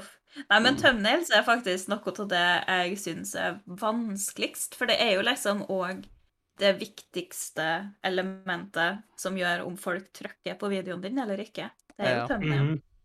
Og det er så vanskelig å liksom Du vil at folk skal se at det er fra deg, men den må òg skille seg ut, og den må se bra ut. Og hvis du spiller ulike spill, så bør det liksom Det bør ha samme stil, men det er jo ikke alle spill som liksom Ja, for eksempel, jeg har, jeg har jo på en måte eh, Jeg har jo typisk den eh, Noe av det som eh, er på en måte ikonisk for min del, er jo at jeg bruker jo profilbildet mitt. Fordi det Mm. passer fint inn. Og så er det at jeg har valgt meg ut en font som jeg bruker igjen og igjen. Og det har jo. Adexio. Adexio har den der tjukke eh, fonta si, som man bruker mm, overalt. Og så hadde han en god stund disse her boksene sine. Så han hadde jo ting som man kjenner igjen. Man, Mm. man har liksom den grafiske stilen. Ja. Eh, Men for eksempel, hvis du skal ha eh, etter hvert 95 uh, thumbnails som skal ligne en god del på hverandre, fordi det er, full, er i samme serien, og istedenfor at du Mm. har 80-90-100 forskjellige Photoshop-greier, så har du ett InDesign-dokument som du har 94 på i stedet. Mm. Og så er det mye lettere, liksom. OK, det, nå, eh, nå vil jeg se, se hvordan det ser ut her. Jeg kopierer den sida, eh, og så har jeg neste side. OK, hvis jeg flytter på de to, hvordan ser det da ut? Du, det har liksom, du har mye mer den friheten til å flytte rundt på tekst og liksom ha mange, mange, mange sider og sånt. Mm. Og det er jo ofte det- InDesign man bruker òg når man skal ta og eh, For eksempel hvis du holder på med Hva kalte jeg det? Bokdesign. Så er det Mm. ofte inn, så er du ofte òg innom InDesign. Det er liksom Det er på en måte siste stoppet før du eksporterer ut en ferdig PDF-en. Mm. Og det Yes. er så digg når man liksom Det gir mye mer eh, kunstnerisk frihet når du liksom slipper å måtte ta og gjøre om alt, og så bare Nei, søren. Eller lagre en ny fil, og så må du klikke imellom filene og Ja. Men uh, i Photoshop kan du òg liksom ha ulike sånn layers og sånn, Ja, så du trenger ikke å lage Men det er liksom Det er ikke liksom pro problem. tungvint sjøl om. Og etter hvert Du, eh, er- du er tungvint. Mm. Ja da. Og det er liksom Du jobber ikke med layersene på samme måten i InDesign. Og da er jo mer at du eh, Da jobber du mer direkte på flata. Altså Mm. layersene det bryr du seg ikke så mye om. Du trykker på et element, og så sier du at den skal bringe seg framover til fronten, eksempel. Og da kan du Mm. liksom Du bare trykker rett inn på ting, og driter i layerene. Du jobber på forskjellige måter. Ja. Mm. Men det er jo liksom Jeg har jo holdt på med Photoshop i sånn her Herregud, 15 år nå. Så det er liksom Det er så inngravert i liksom meg at det er ganske enkelt å liksom gjøre forskjellige ting der og Mm. Kanskje er det tungvint. det er liksom, Hvis du ikke har InDesign, så er det liksom Det er ikke så mye vits å kjøpe seg programmet hvis du liksom eh, Ja, hvis, Bare skal bruke det til thumbnails, ja. Ja og, på videoer du får 100 treff på, men hvis du vil liksom etter hvert Mm.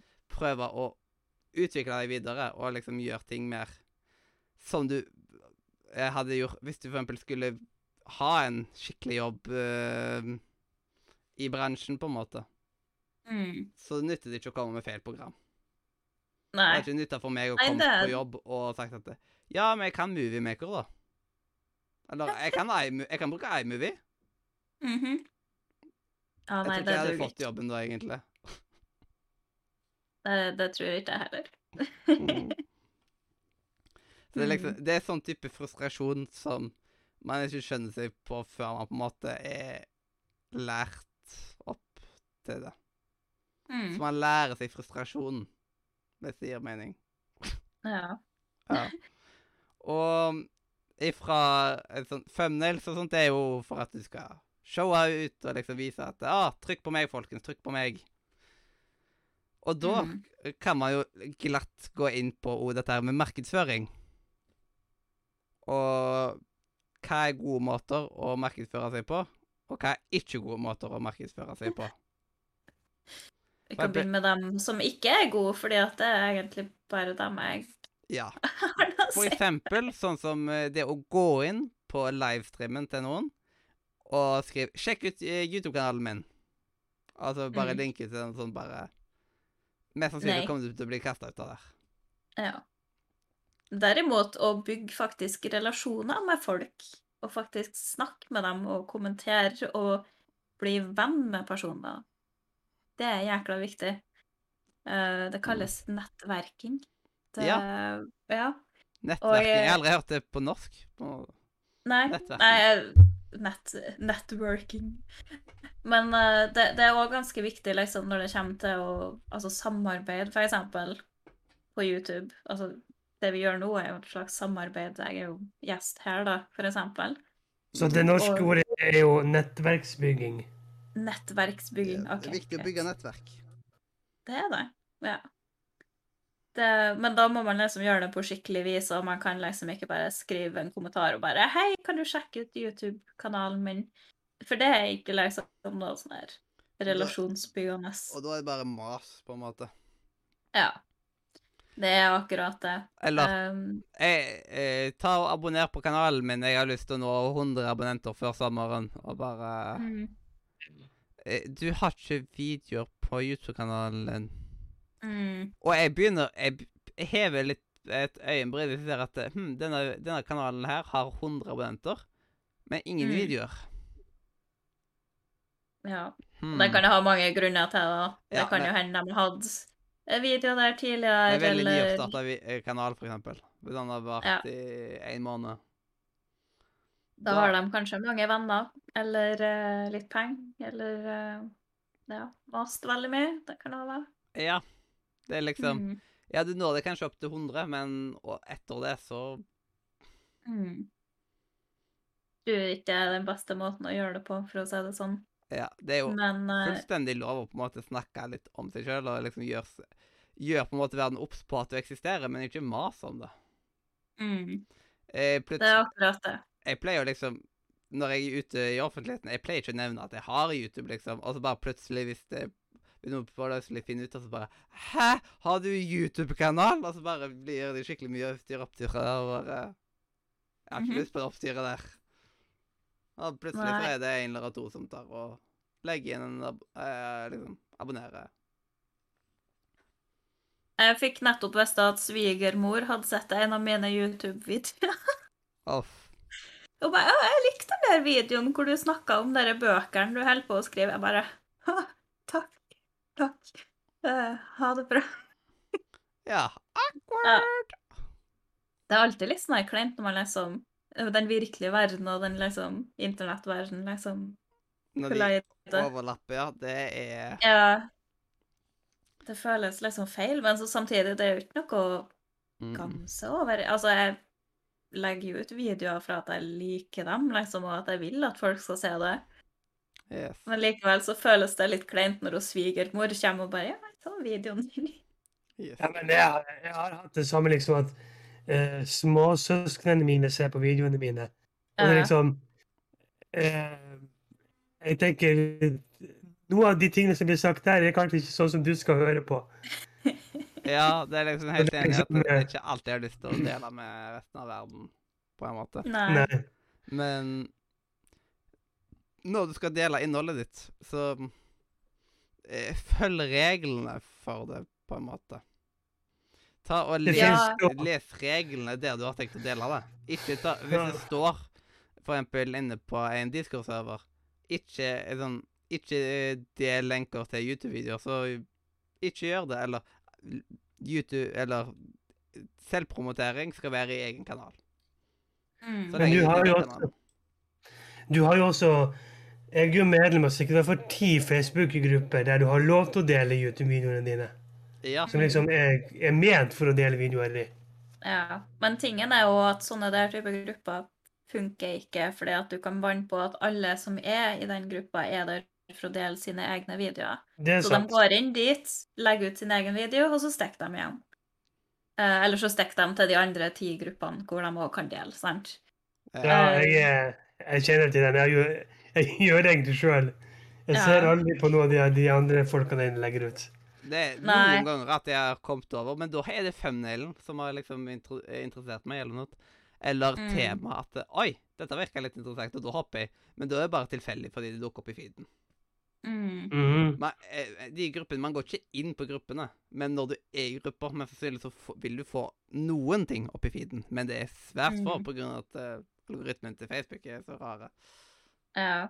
De få gangene jeg er inne på sånne grupper for å dele noe, enten om det er et blogginnlegg, liksom på sånne type blogggrupper, eller liksom en YouTube-video, så prøver jeg bestandig å liksom kommentere på noen av de andre sine poster, da. Og da scroller jeg jo litt, og da kan det jo hende jeg faktisk finner noen som er liksom bare Oi, snakker om bøker, liksom. Og trykk inn på og se, sant. Men uh, jeg må liksom tvinge meg sjøl til å gjøre det, for jeg går ikke inn dit bare for å se etter andre sine videoer. Mm. Det gjør jeg ikke. Men i det siste så har jeg prøvd å liksom Drevet og prøvd å søke meg fram til norske kanaler inne på YouTube. Og det er ikke så enkelt. For å være helt ærlig. Nei.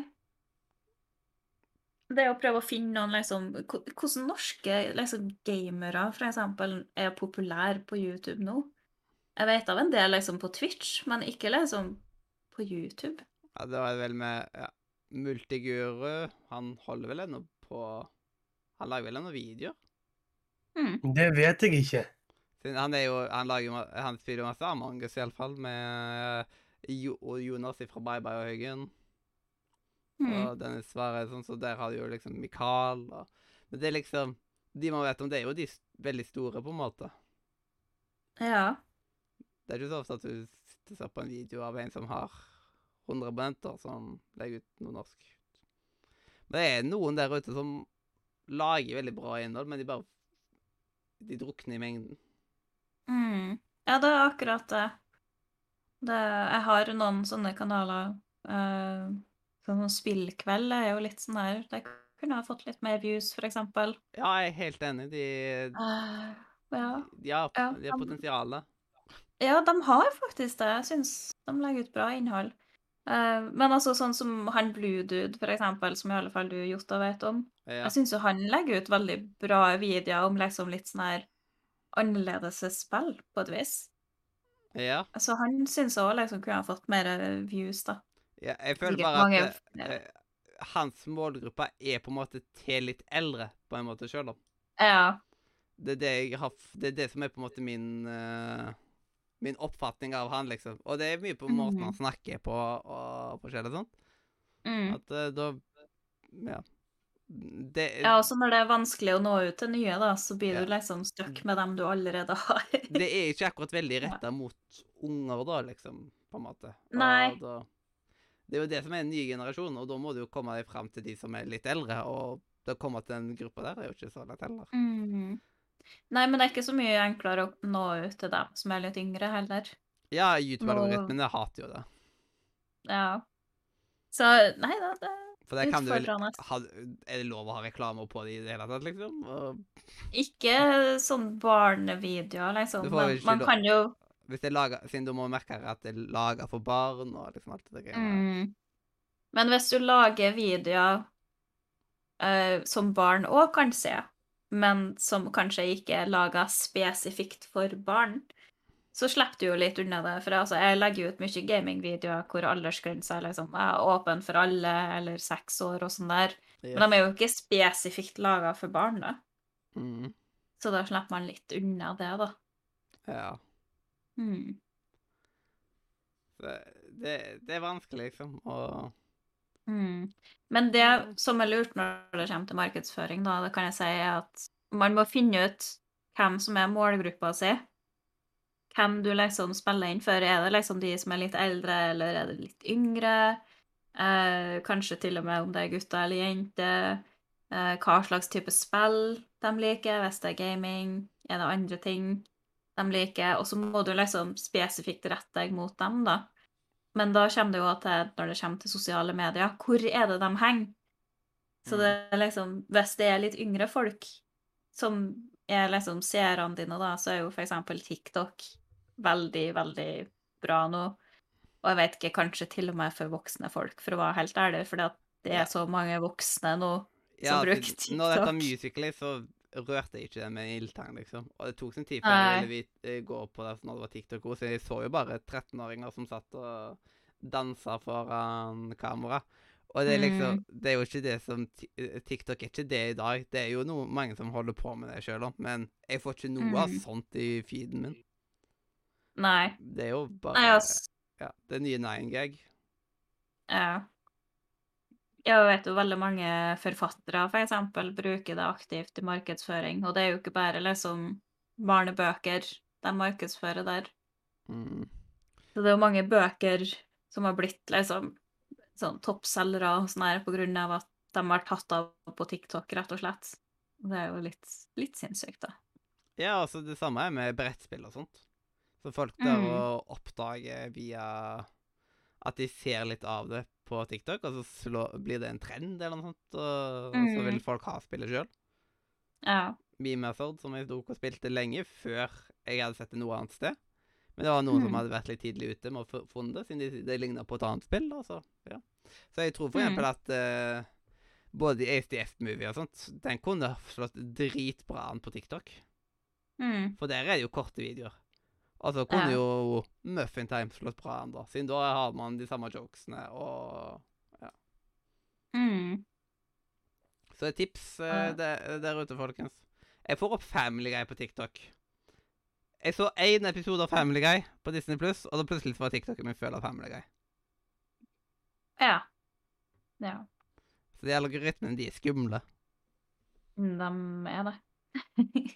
De Mm. vet hva du ser på. Um, De vet men hva de ser på, andre og vet som- hvor de bor. oh yes. Eh, andre sosiale medier, da har dere noe erfaring liksom med det? Og vi har erfaring fra andre sosiale medier. Mm. For jeg har litt den følelsen at eh, sånn som Facebook og Instagram eh, Det er liksom Det er ikke noe mye poeng å begynne med det, egentlig, som YouTuber. Ja, det er liksom Du når ikke fram til mange der. Nei, jeg gjorde det liksom i sånn her Kanskje 2016-2017. Da var det liksom enkelt å nå folk, men nå så er det liksom nesten helt dødt der når du snakker om gaming eller sånn. Ja. Det er sant. jeg vet ikke. Eh, Twitter, det er så toxic at det er liksom bare Nei. Nei. Ja, jeg føler ikke at det er det du tar og deler heller, på en måte. Nei, Snapchat er vel òg litt sånn døende, men det er vel en av min største liksom måte å liksom nå folk, men det er jo for at jeg har en del følgere der. Ja, og da Da er det jo litt større sjanse for det. Mm. Nei, det er liksom Det er Discord jeg bruker mest da, liksom. Ja. Ja, for det er liksom det der- der med å bygge et lite samfunn egentlig rundt YouTube-kanalen din. Det er egentlig det jeg har funnet ut som funker best. Ja. Så Liksom ha en discord og gjøre det til en koselig plass å være og snakke med folk og Ja. Bli kjent med seerne dine, rett og slett. I alle Mm. fall til en viss grad. Ja. Eh, men det er veldig mange Dessverre så er det veldig mange eh, discorder der ute som bare er liksom pengemaskiner for eh, YouTube, eh. For eksempel Alle kan joine Dennis Varre sin discord, men for at du Mm. skal skrive inn på det, så må du være Patron eller YouTube eh, Jeg vet ikke om det er Mm. Patron han har, men han har iallfall for YouTube-subscribers Liksom de som betaler for å subscribe på Ja. han, og Twitch-abonnenter og sånt. Mm. Men jeg kan jo skjønne det når man kommer til en viss størrelse òg, da.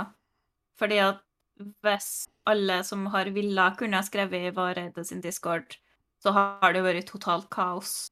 Da måtte han ha liksom hatt betalte moderatorer og alt mulig rart for at det skulle ha funka. Så jeg, jeg kan liksom funke det, for jeg skjønner det, for at jeg er såpass liten at jeg kan liksom ha en discord som er åpen for alle, liksom, men sånn som Vareide og Adexio og sånn der, jeg skjønner liksom at de kvier seg til å ha en såpass åpen plass, da. Ja. Bare at mange steder så sånn, Jeg tror det er veldig få som får betalt som Discord-moderator. Da, Mm. skal de, da skal de være Da må de liksom bruke mange timer til døgnet for å sitte Mm. og scrolle på Discord og lese. Ja. Da må de ha det som en jobb, på en måte. Men veldig mange Mm. syns jo det er stas å bare være moderator. Og det i seg Ja. sjøl gjør som at det er frivillig arbeid. Mm. Ja, det kan jo hende, det, da. Altså Jeg Det er er, jo jo sikkert moderator på Level Up, og der gjør jeg det 100% frivillig. Ja. Men har de mange personer innpå der, da? Ja, de har uh, Hvor mange er de oppe i nå, da? Kan man se medlemstall uh, noe sted? Det er jeg litt usikker på om man kan se. Kanskje server settings, Nei eh, members OK. 3406 medlemmer. Ja. Og de starta jo da for under et år siden med Discord. Ja. Ja, nei. Nei, men da er det sikkert mulig, men altså Jeg ser for meg det er mye styr, da.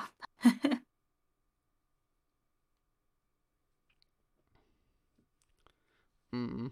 Så Mm.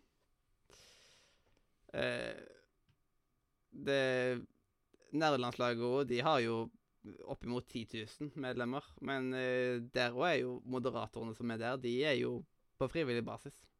Mm. Ja, OK, da. Da, da trekker jeg tilbake min, eh, min statement. Men Ja. uh, jeg skjønner det ennå litt likevel, for det høres ut som veldig mye styr, da. Å ha Men så da- mye folk i en Da har du ofte en svær moderatorstab. Da har du Mm. ikke tre-fire moderatorer, da har du liksom 20-30 moderatorer. Du Ikke har jo så mange moderatorer som du trenger, og folk stiller Mm. gledelig opp.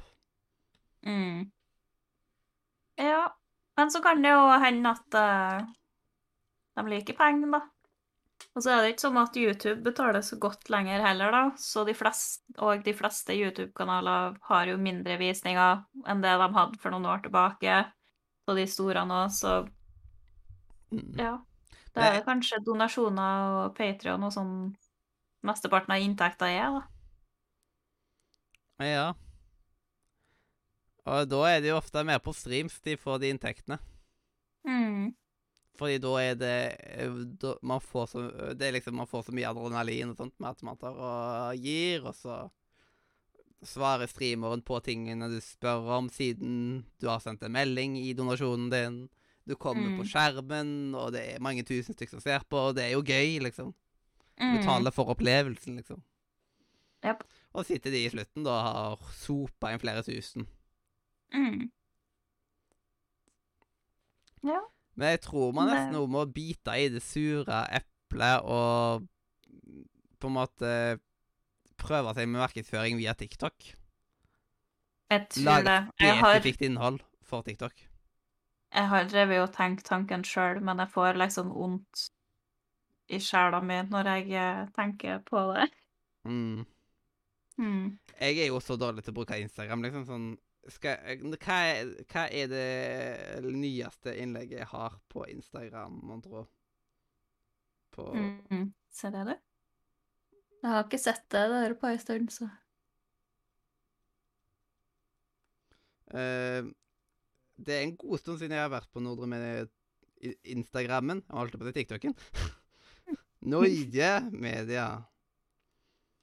Um, den har Å, uh, oh, wow! Ja, jeg var faktisk litt flink jeg har, uh, og la ut ett innlegg i år. Oi, oi, 13. oi. mars fra studio. Når vi spilte inn Mm. uh, massevis av podcaster. Og før det så var det 28. februar 2021.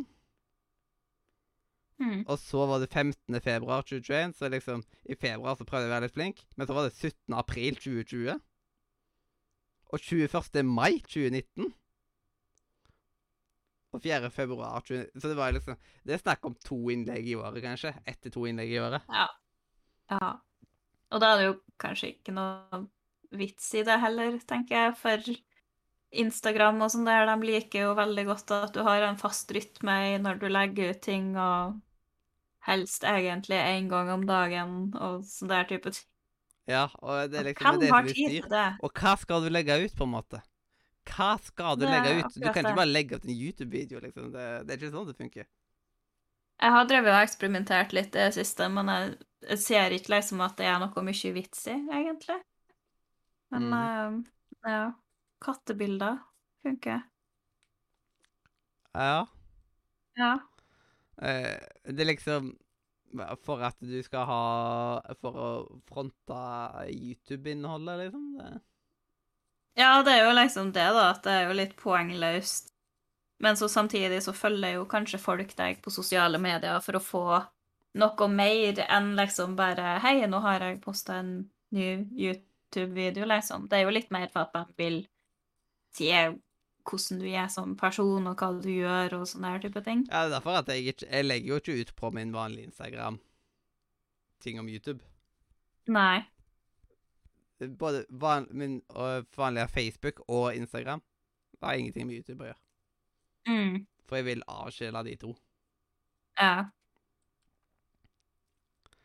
Ja, jeg kan noen få ganger liksom dele på min liksom sånn vanlige profiler at hei, jeg har lagt ut den videoen, og jeg er veldig fornøyd med den, liksom. Sånn der, men da er det liksom sånn veldig spesifikke ting, og ikke så veldig ofte. Ja, da, skal, da er man veldig fornøyd ofte. Og sånn. For eksempel når jeg lagde en promovideo til Nordre Media. Ja. Den var jeg veldig fornøyd med. Så den tok jeg jo delt ut, og den, Mm, den har jo litt grann av views nå. Ja. Det, blir, det er liksom Denne burde ikke ta YouTube spesielt. Det er liksom uh, godt å ta og skryte. Den har jo da nesten 500 treff. Det er mm. liksom en fin chunk med treff på en måte i det året det kom ut, liksom. ja. Nordre Media Promo. Andre ting som kommer opp da, er YouTube-diagnosen. Som Mm. du la ut, vet du, den der høydepunktvideoen. Ja, sant det. Mm. Sant, sant. Det er jo høydepunkter man må satse på da, liksom. Mm. Ja, jeg tror det med podkaster og sånn der, så er det nok veldig viktig å liksom gi folk sånne der små glimt av hva de går glipp av. Fordi at det er veldig få folk som har liksom ork til å trykke på en random video på to timer, mens en video på sånn der ti minutter, som virker litt interessant Å, oh, det kan være kult. Sant? Ja, da det kanskje de blir hooked på deres eh, personlighet og søte tryner og sånn der. Jeg sin podkast er jo liksom Det er ikke så magisk bilde, på en måte, at hvis vi har bilde, så er det dette her som du ser nå. Det, det, det, Mm. Ja, men- det er det du får. Det du ser, er det du får. Det er liksom Ja. Men det er jo det som Det er jo det folk forventer òg, liksom, med podkaster, da. Trenger Ja. ikke å være noe mer avansert enn noen tryner som snakker, liksom. Ja. Så ja, det er ikke lett. Burde bare hatt en, en, en egen sosiale medier-ansvarlig. For Mm. sosiale medier, det tar mye tid. Det gjør faktisk det, og jeg har eh, tre ulike plattformer jeg styrer og markedsfører og holder på med. Det er mye. Ja, og det er Det er jo en grunn til at veldig mange firmaer har egne folk som har som jobb Mm. med sosiale medier. Ja. Det er det. Hvis jeg noensinne har blitt liksom en sånn her stor YouTuber og tjent ganske godt på det og sånne type ting, en av de første tingene jeg ville ha brukt penger på, det er egentlig en person som kan hjelpe meg liksom med sosiale medier og markedsføring og sånn der bæsj. Fordi at selv om jeg syns at markedsføring er fryktelig interessant, så er jeg ikke noe flink i det. Ja, same. Det er liksom sånn Mm. eh, Du kunne fått hjelp av noen til å liksom bidra med å legge ut ting Mm. for meg, fordi det, det tar mye tid og krefter, og Hvis man ikke får treff på det, så føler man jo at det man har gjort, bare er forgjeves. Ja, det er akkurat det òg, liksom at legge ut et bilde på Instagram, og så får du tre like, hvor to av dem er foreldrene dine, liksom. Da er det litt sånn her Ja, er det her noe vits i, liksom? Ja, det er sant. Mm. Det, Så nei, vi, vi får, uh, som du sier, bite det sure eplet og begynne med TikTok. Ja, og da Mm. liksom prøve å lage høydepunktgreier, eller et eller annet som på en måte Mm. Fighter. Uh! Ja, og så lag ting som har med podkasten deres å gjøre, for eksempel. Det trenger ikke å bare være høydepunkt, liksom, men òg Ja. Sånn eget innhold for TikTok, da, tenker jeg. Ja. Som kun skal ut på TikTok.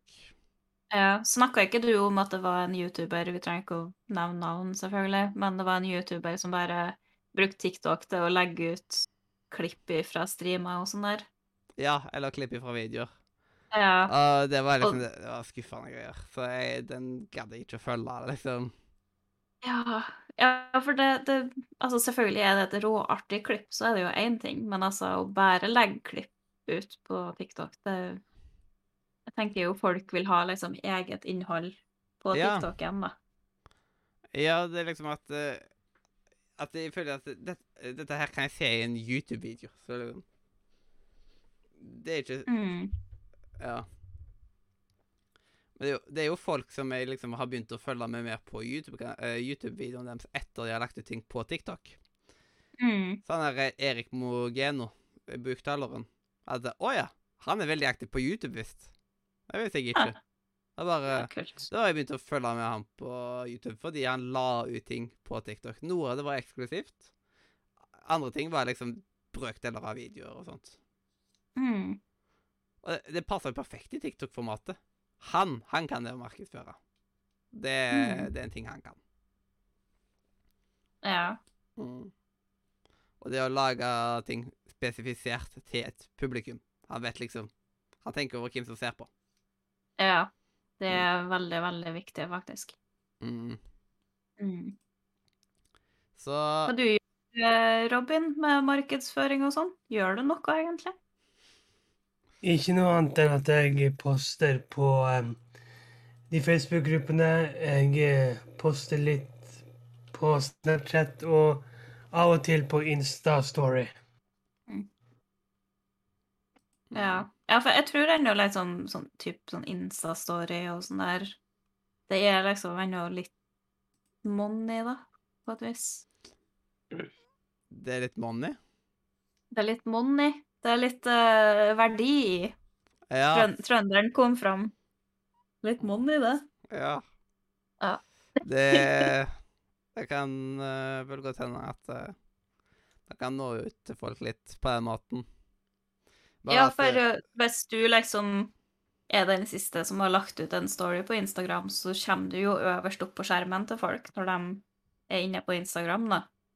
Ja. Så hvis du i løpet av dagen legger ut litt, da, så blir du jo veldig fort synlig, da. I alle fall for dem som allerede følger deg. Og det, det er en ting jeg prøver å være flinkere på, da. Mm. Ja, hvem er det som kommer for eksempel her? Jo, her får jeg opp Jeanette. Og så får jeg inn uh, Folkehøgskolen Sørlandet. Og Fremtiden i våre hender, som vi tok og jobba i. Ole Wold, han er veldig aktiv på det. Stian Blipp, han er veldig aktiv på det. Nederlandslaget er aktive. Hilde, ser jeg. Ja, ja, ja, ja, selvfølgelig. Ja, Den Hilde, ja. ja men hun er litt teit, syns jeg. Ja, jeg vet ikke helt. Hun- er litt sånn her Jeg, noen gang. jeg tror hun egentlig er litt gal i hodet. Så hold deg unna hun. Mhm. Gjør det. Vær så snill. OK. Eh, skal vi da eh, Da nærmer vi oss jo liksom en liten sånn eh, Hva skal man si? Eh, sa, sa, et sammendrag som bare er kalt Do's and Don'ts på YouTube. OK. Jeg vet ikke hvordan vi skal gjøre dette, her, men hvordan eh, liksom Hvis du tar en do's og en don't, på en måte, for å liksom Ja. Eh, Robin, én ting du må gjøre på YouTube. Gi faen i hva andre syns. Lag det du har lyst til å lage. Ikke tenk at det her kan være for kleint eller for teit. Hvis du har lyst til å gjøre det, så gjør det. Ja. Hilde, én ting som man kan gjøre på YouTube. Bli venn med andre folk som du kan samarbeide med. Ja, og det føler jeg at vi gikk litt for lite inn i, egentlig. Så, Ja, egentlig. ja, siden det var jo en av de der hovedgrunnene. Siden Mm. Det var jo sånn du vokste, siden du ble samarbeida med Adexio. Og liksom, Ja. hvordan ellers kan man vokse med å bruke et godt nettverk av folk? Mm. Det Og, det, og det er jo òg liksom Man skal jo ikke bare bli venn med folk for å liksom bruke dem, Ja. men bare det å liksom bli venner med folk og liksom At begge to kan få noe ut av det, det er veldig viktig. Og at ingen liksom blir bruka. Det er jo ikke som at jeg Vel, jeg visste jo ikke hvem Adexio var engang, og jeg tok og googla han og bare Ja, jeg legger ut noen Minecraft-video. Uh, OK. Men uh, det er jo ikke sånn at jeg liksom ble venn med han bare fordi at Å, views, sant? Jeg hadde jo ikke peiling at jeg kom til å bli sånn som det ble med min kanal, bare fordi at jeg ble venn med han, sant? Jeg var unge og naiv på den tida. Men uh, ja. Det å støtte hverandre og prøve å liksom løfte andre opp òg, det er òg veldig viktig. Jeg prøver liksom gi shout-out til folk som jeg synes er flinke, og dele videoer fra andre som jeg synes er bra, og sånn der type ting. Og det er fordi at jeg føler at da gir jeg noe igjen til noen andre. Og det trenger ikke å engang være folk jeg liksom har samarbeida med, men folk syns liksom fortjener det, rett og slett, å få litt ekstra oppmerksomhet.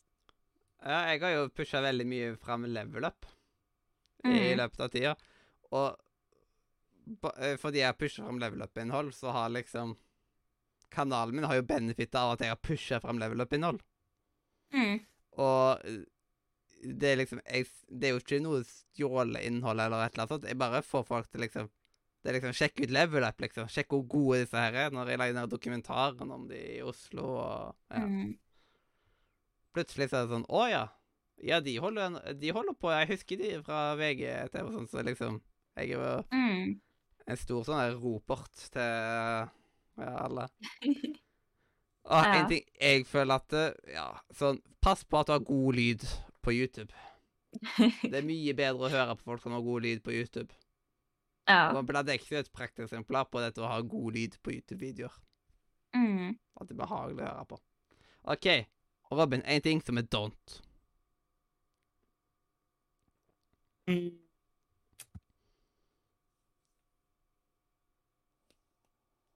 Ja, dette Tenkepauser er litt farlig. Ja Nei, det finnes jo liksom sånn Kanskje ikke Ikke være en douchebag. Hilde?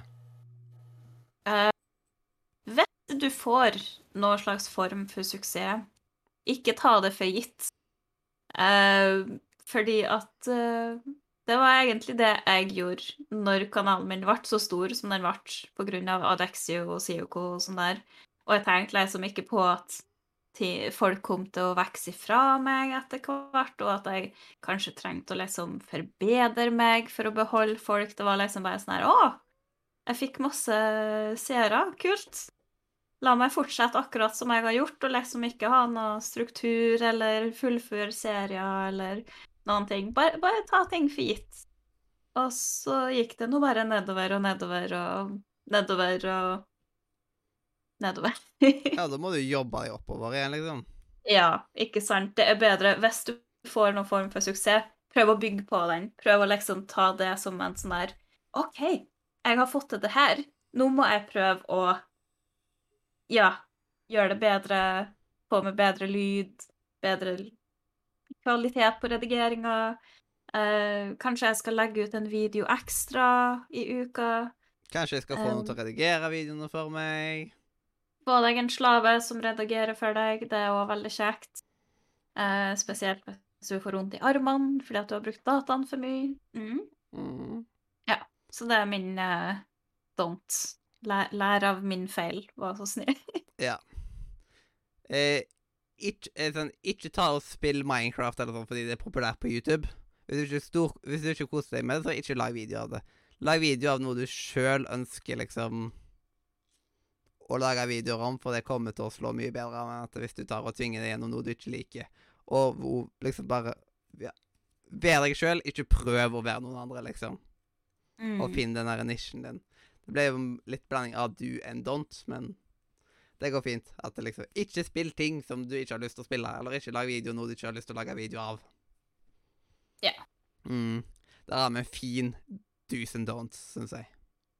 Oh, yes. Mm. Så hvis du jeg, jeg håper du har tatt masse så flotte notater her. Det, det har jeg. Mm. Eh, oi, oi, oi. Så da får jeg vel høre i morgen hvor skittig Brodskapet sier hvor var. Det kan godt hende. Mm. Men jeg kommer til å si det på en veldig snill måte, da. Jeg eh, tok og leste opp ene bokanmeldelsen min eh, til jeg bruker å skrive i lag med noen gang. Så jeg leste opp en fra 2017 av ei bok jeg virkelig hata, og hun bare sånn her Men du var jo så snill! Jeg bare sånn Ja. Det var en norsk forfatter, og det er liksom Norge er lite. Det er liksom det Plutselig går an å møter de på bussen. en Ja, ikke sant? Det er liksom, Du kan gi kritikk på en snill måte. Det, det går an å si at du ikke likte noen ting, men at den òg har noen gode aspekter, liksom. Ja, ta fram det gode sjøl om. Ja. Mm. Gjør sånn som eh, norsklæreren min, at eh, ja, du har gjort veldig mye, og liksom dette her det, liksom, Du har forbedret mye sånt. Samme karakter som sist. Ja. Ja. ja. Eh, og da, eh, da tenker jeg at avslutningsvis så skal vi da rømme YouTube fra en skapers perspektiv.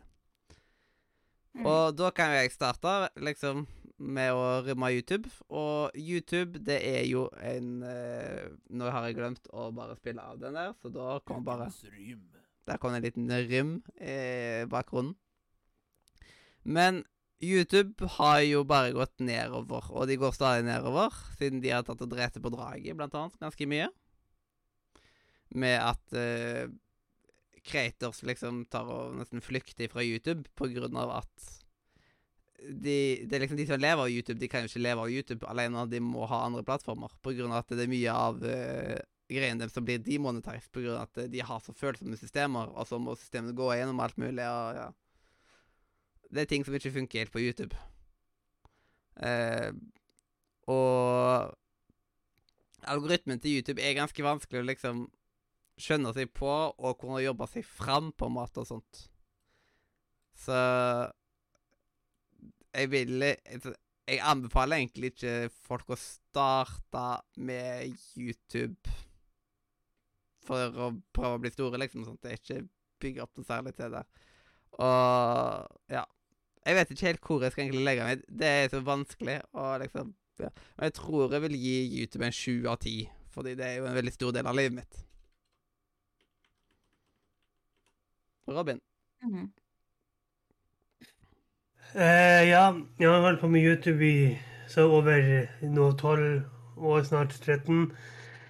Uh, og jeg vet ikke hva jeg skal si. YouTube har blitt kanskje bedre på noe, og kanskje verre på noe annet. Så det er liksom eh, Jeg er der nå hvor jeg egentlig står litt sånn midt imellom på hva jeg egentlig skal gjøre med, med hele greia. Så for meg så havner det på en fem av ti. Mm. OK, Hilde? Ja, det, det er vanskelig, for det at for meg så er det òg vanskelig å skille liksom min opplevelse av YouTube som seer, og min opplevelse av YouTube som liksom en skaper. Men hvis jeg bare prøver å fokusere på det å være en skaper, så kan jeg vel si at YouTubes storhetstid er vel egentlig over. Uh, og YouTube har nesten alltid vært et tapsprosjekt for Google. Så jeg skjønner òg at de har problemer med f.eks. å gå gjennom videoer som har blitt liksom copyright-strika, eller videoer som er uh, demonetiser og sånn der type ting, at det er jo en business, mer eller mindre. Eller det er en business, basically. Eh, og det har jo vært flere sånne her ad apocalypses, så man kan jo ikke tjene noe særlig ut på YouTube lenger. Uh, men selve plattformen, altså opplastningsopplevelsen, det å legge opp en video, uh, de ulike tingene du kan fylle ut og sånn der, det liker jeg egentlig veldig godt. Og det er liksom Det er nesten aldri noe knøvel med det. Mhm. Så jeg vet ikke. Jeg tror jeg kanskje havner på en syver, Yes, egentlig. syver og sånn der Ja, fordi at jeg er veldig Eller ikke veldig, men jeg er misfornøyd med kanskje det med den økonomiske delen av YouTube, og hvordan de behandler sine skapere. Men så er det òg liksom den opplevelsen av å laste opp, og hvordan sider funker og sånn der, er jo ganske greit. Hvis man ser bort ifra hvordan man klarer å liksom nå nye seere, men det, det er noe sånn. Jeg går ned til seks. Jeg går Seks av ti. Yes. Da, Ja. da havner vi på en blank sekser. En blank sekser ti der, altså. Og da begynner vi å nærme oss uh, veis ende her. Og var veldig interessant å liksom få diskutert litt skikkelig om ting, men det er, det er så YouTube er så utrolig stort tema at liksom ja, Veldig interessant å prate om òg, egentlig. Så det er en ting jeg kunne snakke om veldig, veldig lenge. Men eh, vi må rett og slett bare få komme oss i mål. Og da må vi bare si jo at tusen takk for at du ville være med på en sånn type spesial som dette her. Og da er det ut veldig mye interessant å komme med, så det er veldig gøy. Ja, takk det samme. Yes, takk, takk. og så må jeg bare si tusen takk for at eh, du enten så, uh, ja, så på oss live på Twitch, eller i opptak på Spotify, iTunes, YouTube, hvor enn du liker å høre på podkast. Uh, sjekk ut uh, linkene i beskrivelsen, spesielt disco.nordremedia.no. Og der kan du snakke med meg og Mathias og Hilde og hundrevis av flotte andre kvartbortelever. Du kan spille med oss, chatte med oss. Kanskje du finner en ny venn i introduksjonsrommet der du kan dele dine felles interesser. Eller kanskje du finner din kjærlighetsperson i datingrommet vårt. Eh, introen og outroen er laga av eh, Katrine, aka E-girl, eh, inne på discorden vår. Og resten av jing Og rim-jinglen er laga av eh, Jon Edvard Genius. Og da er det bare til å si hjertelig Farvel fra Nordre? Radio Nordre, ja. Og jeg er Radio Nordre, unnskyld. Media!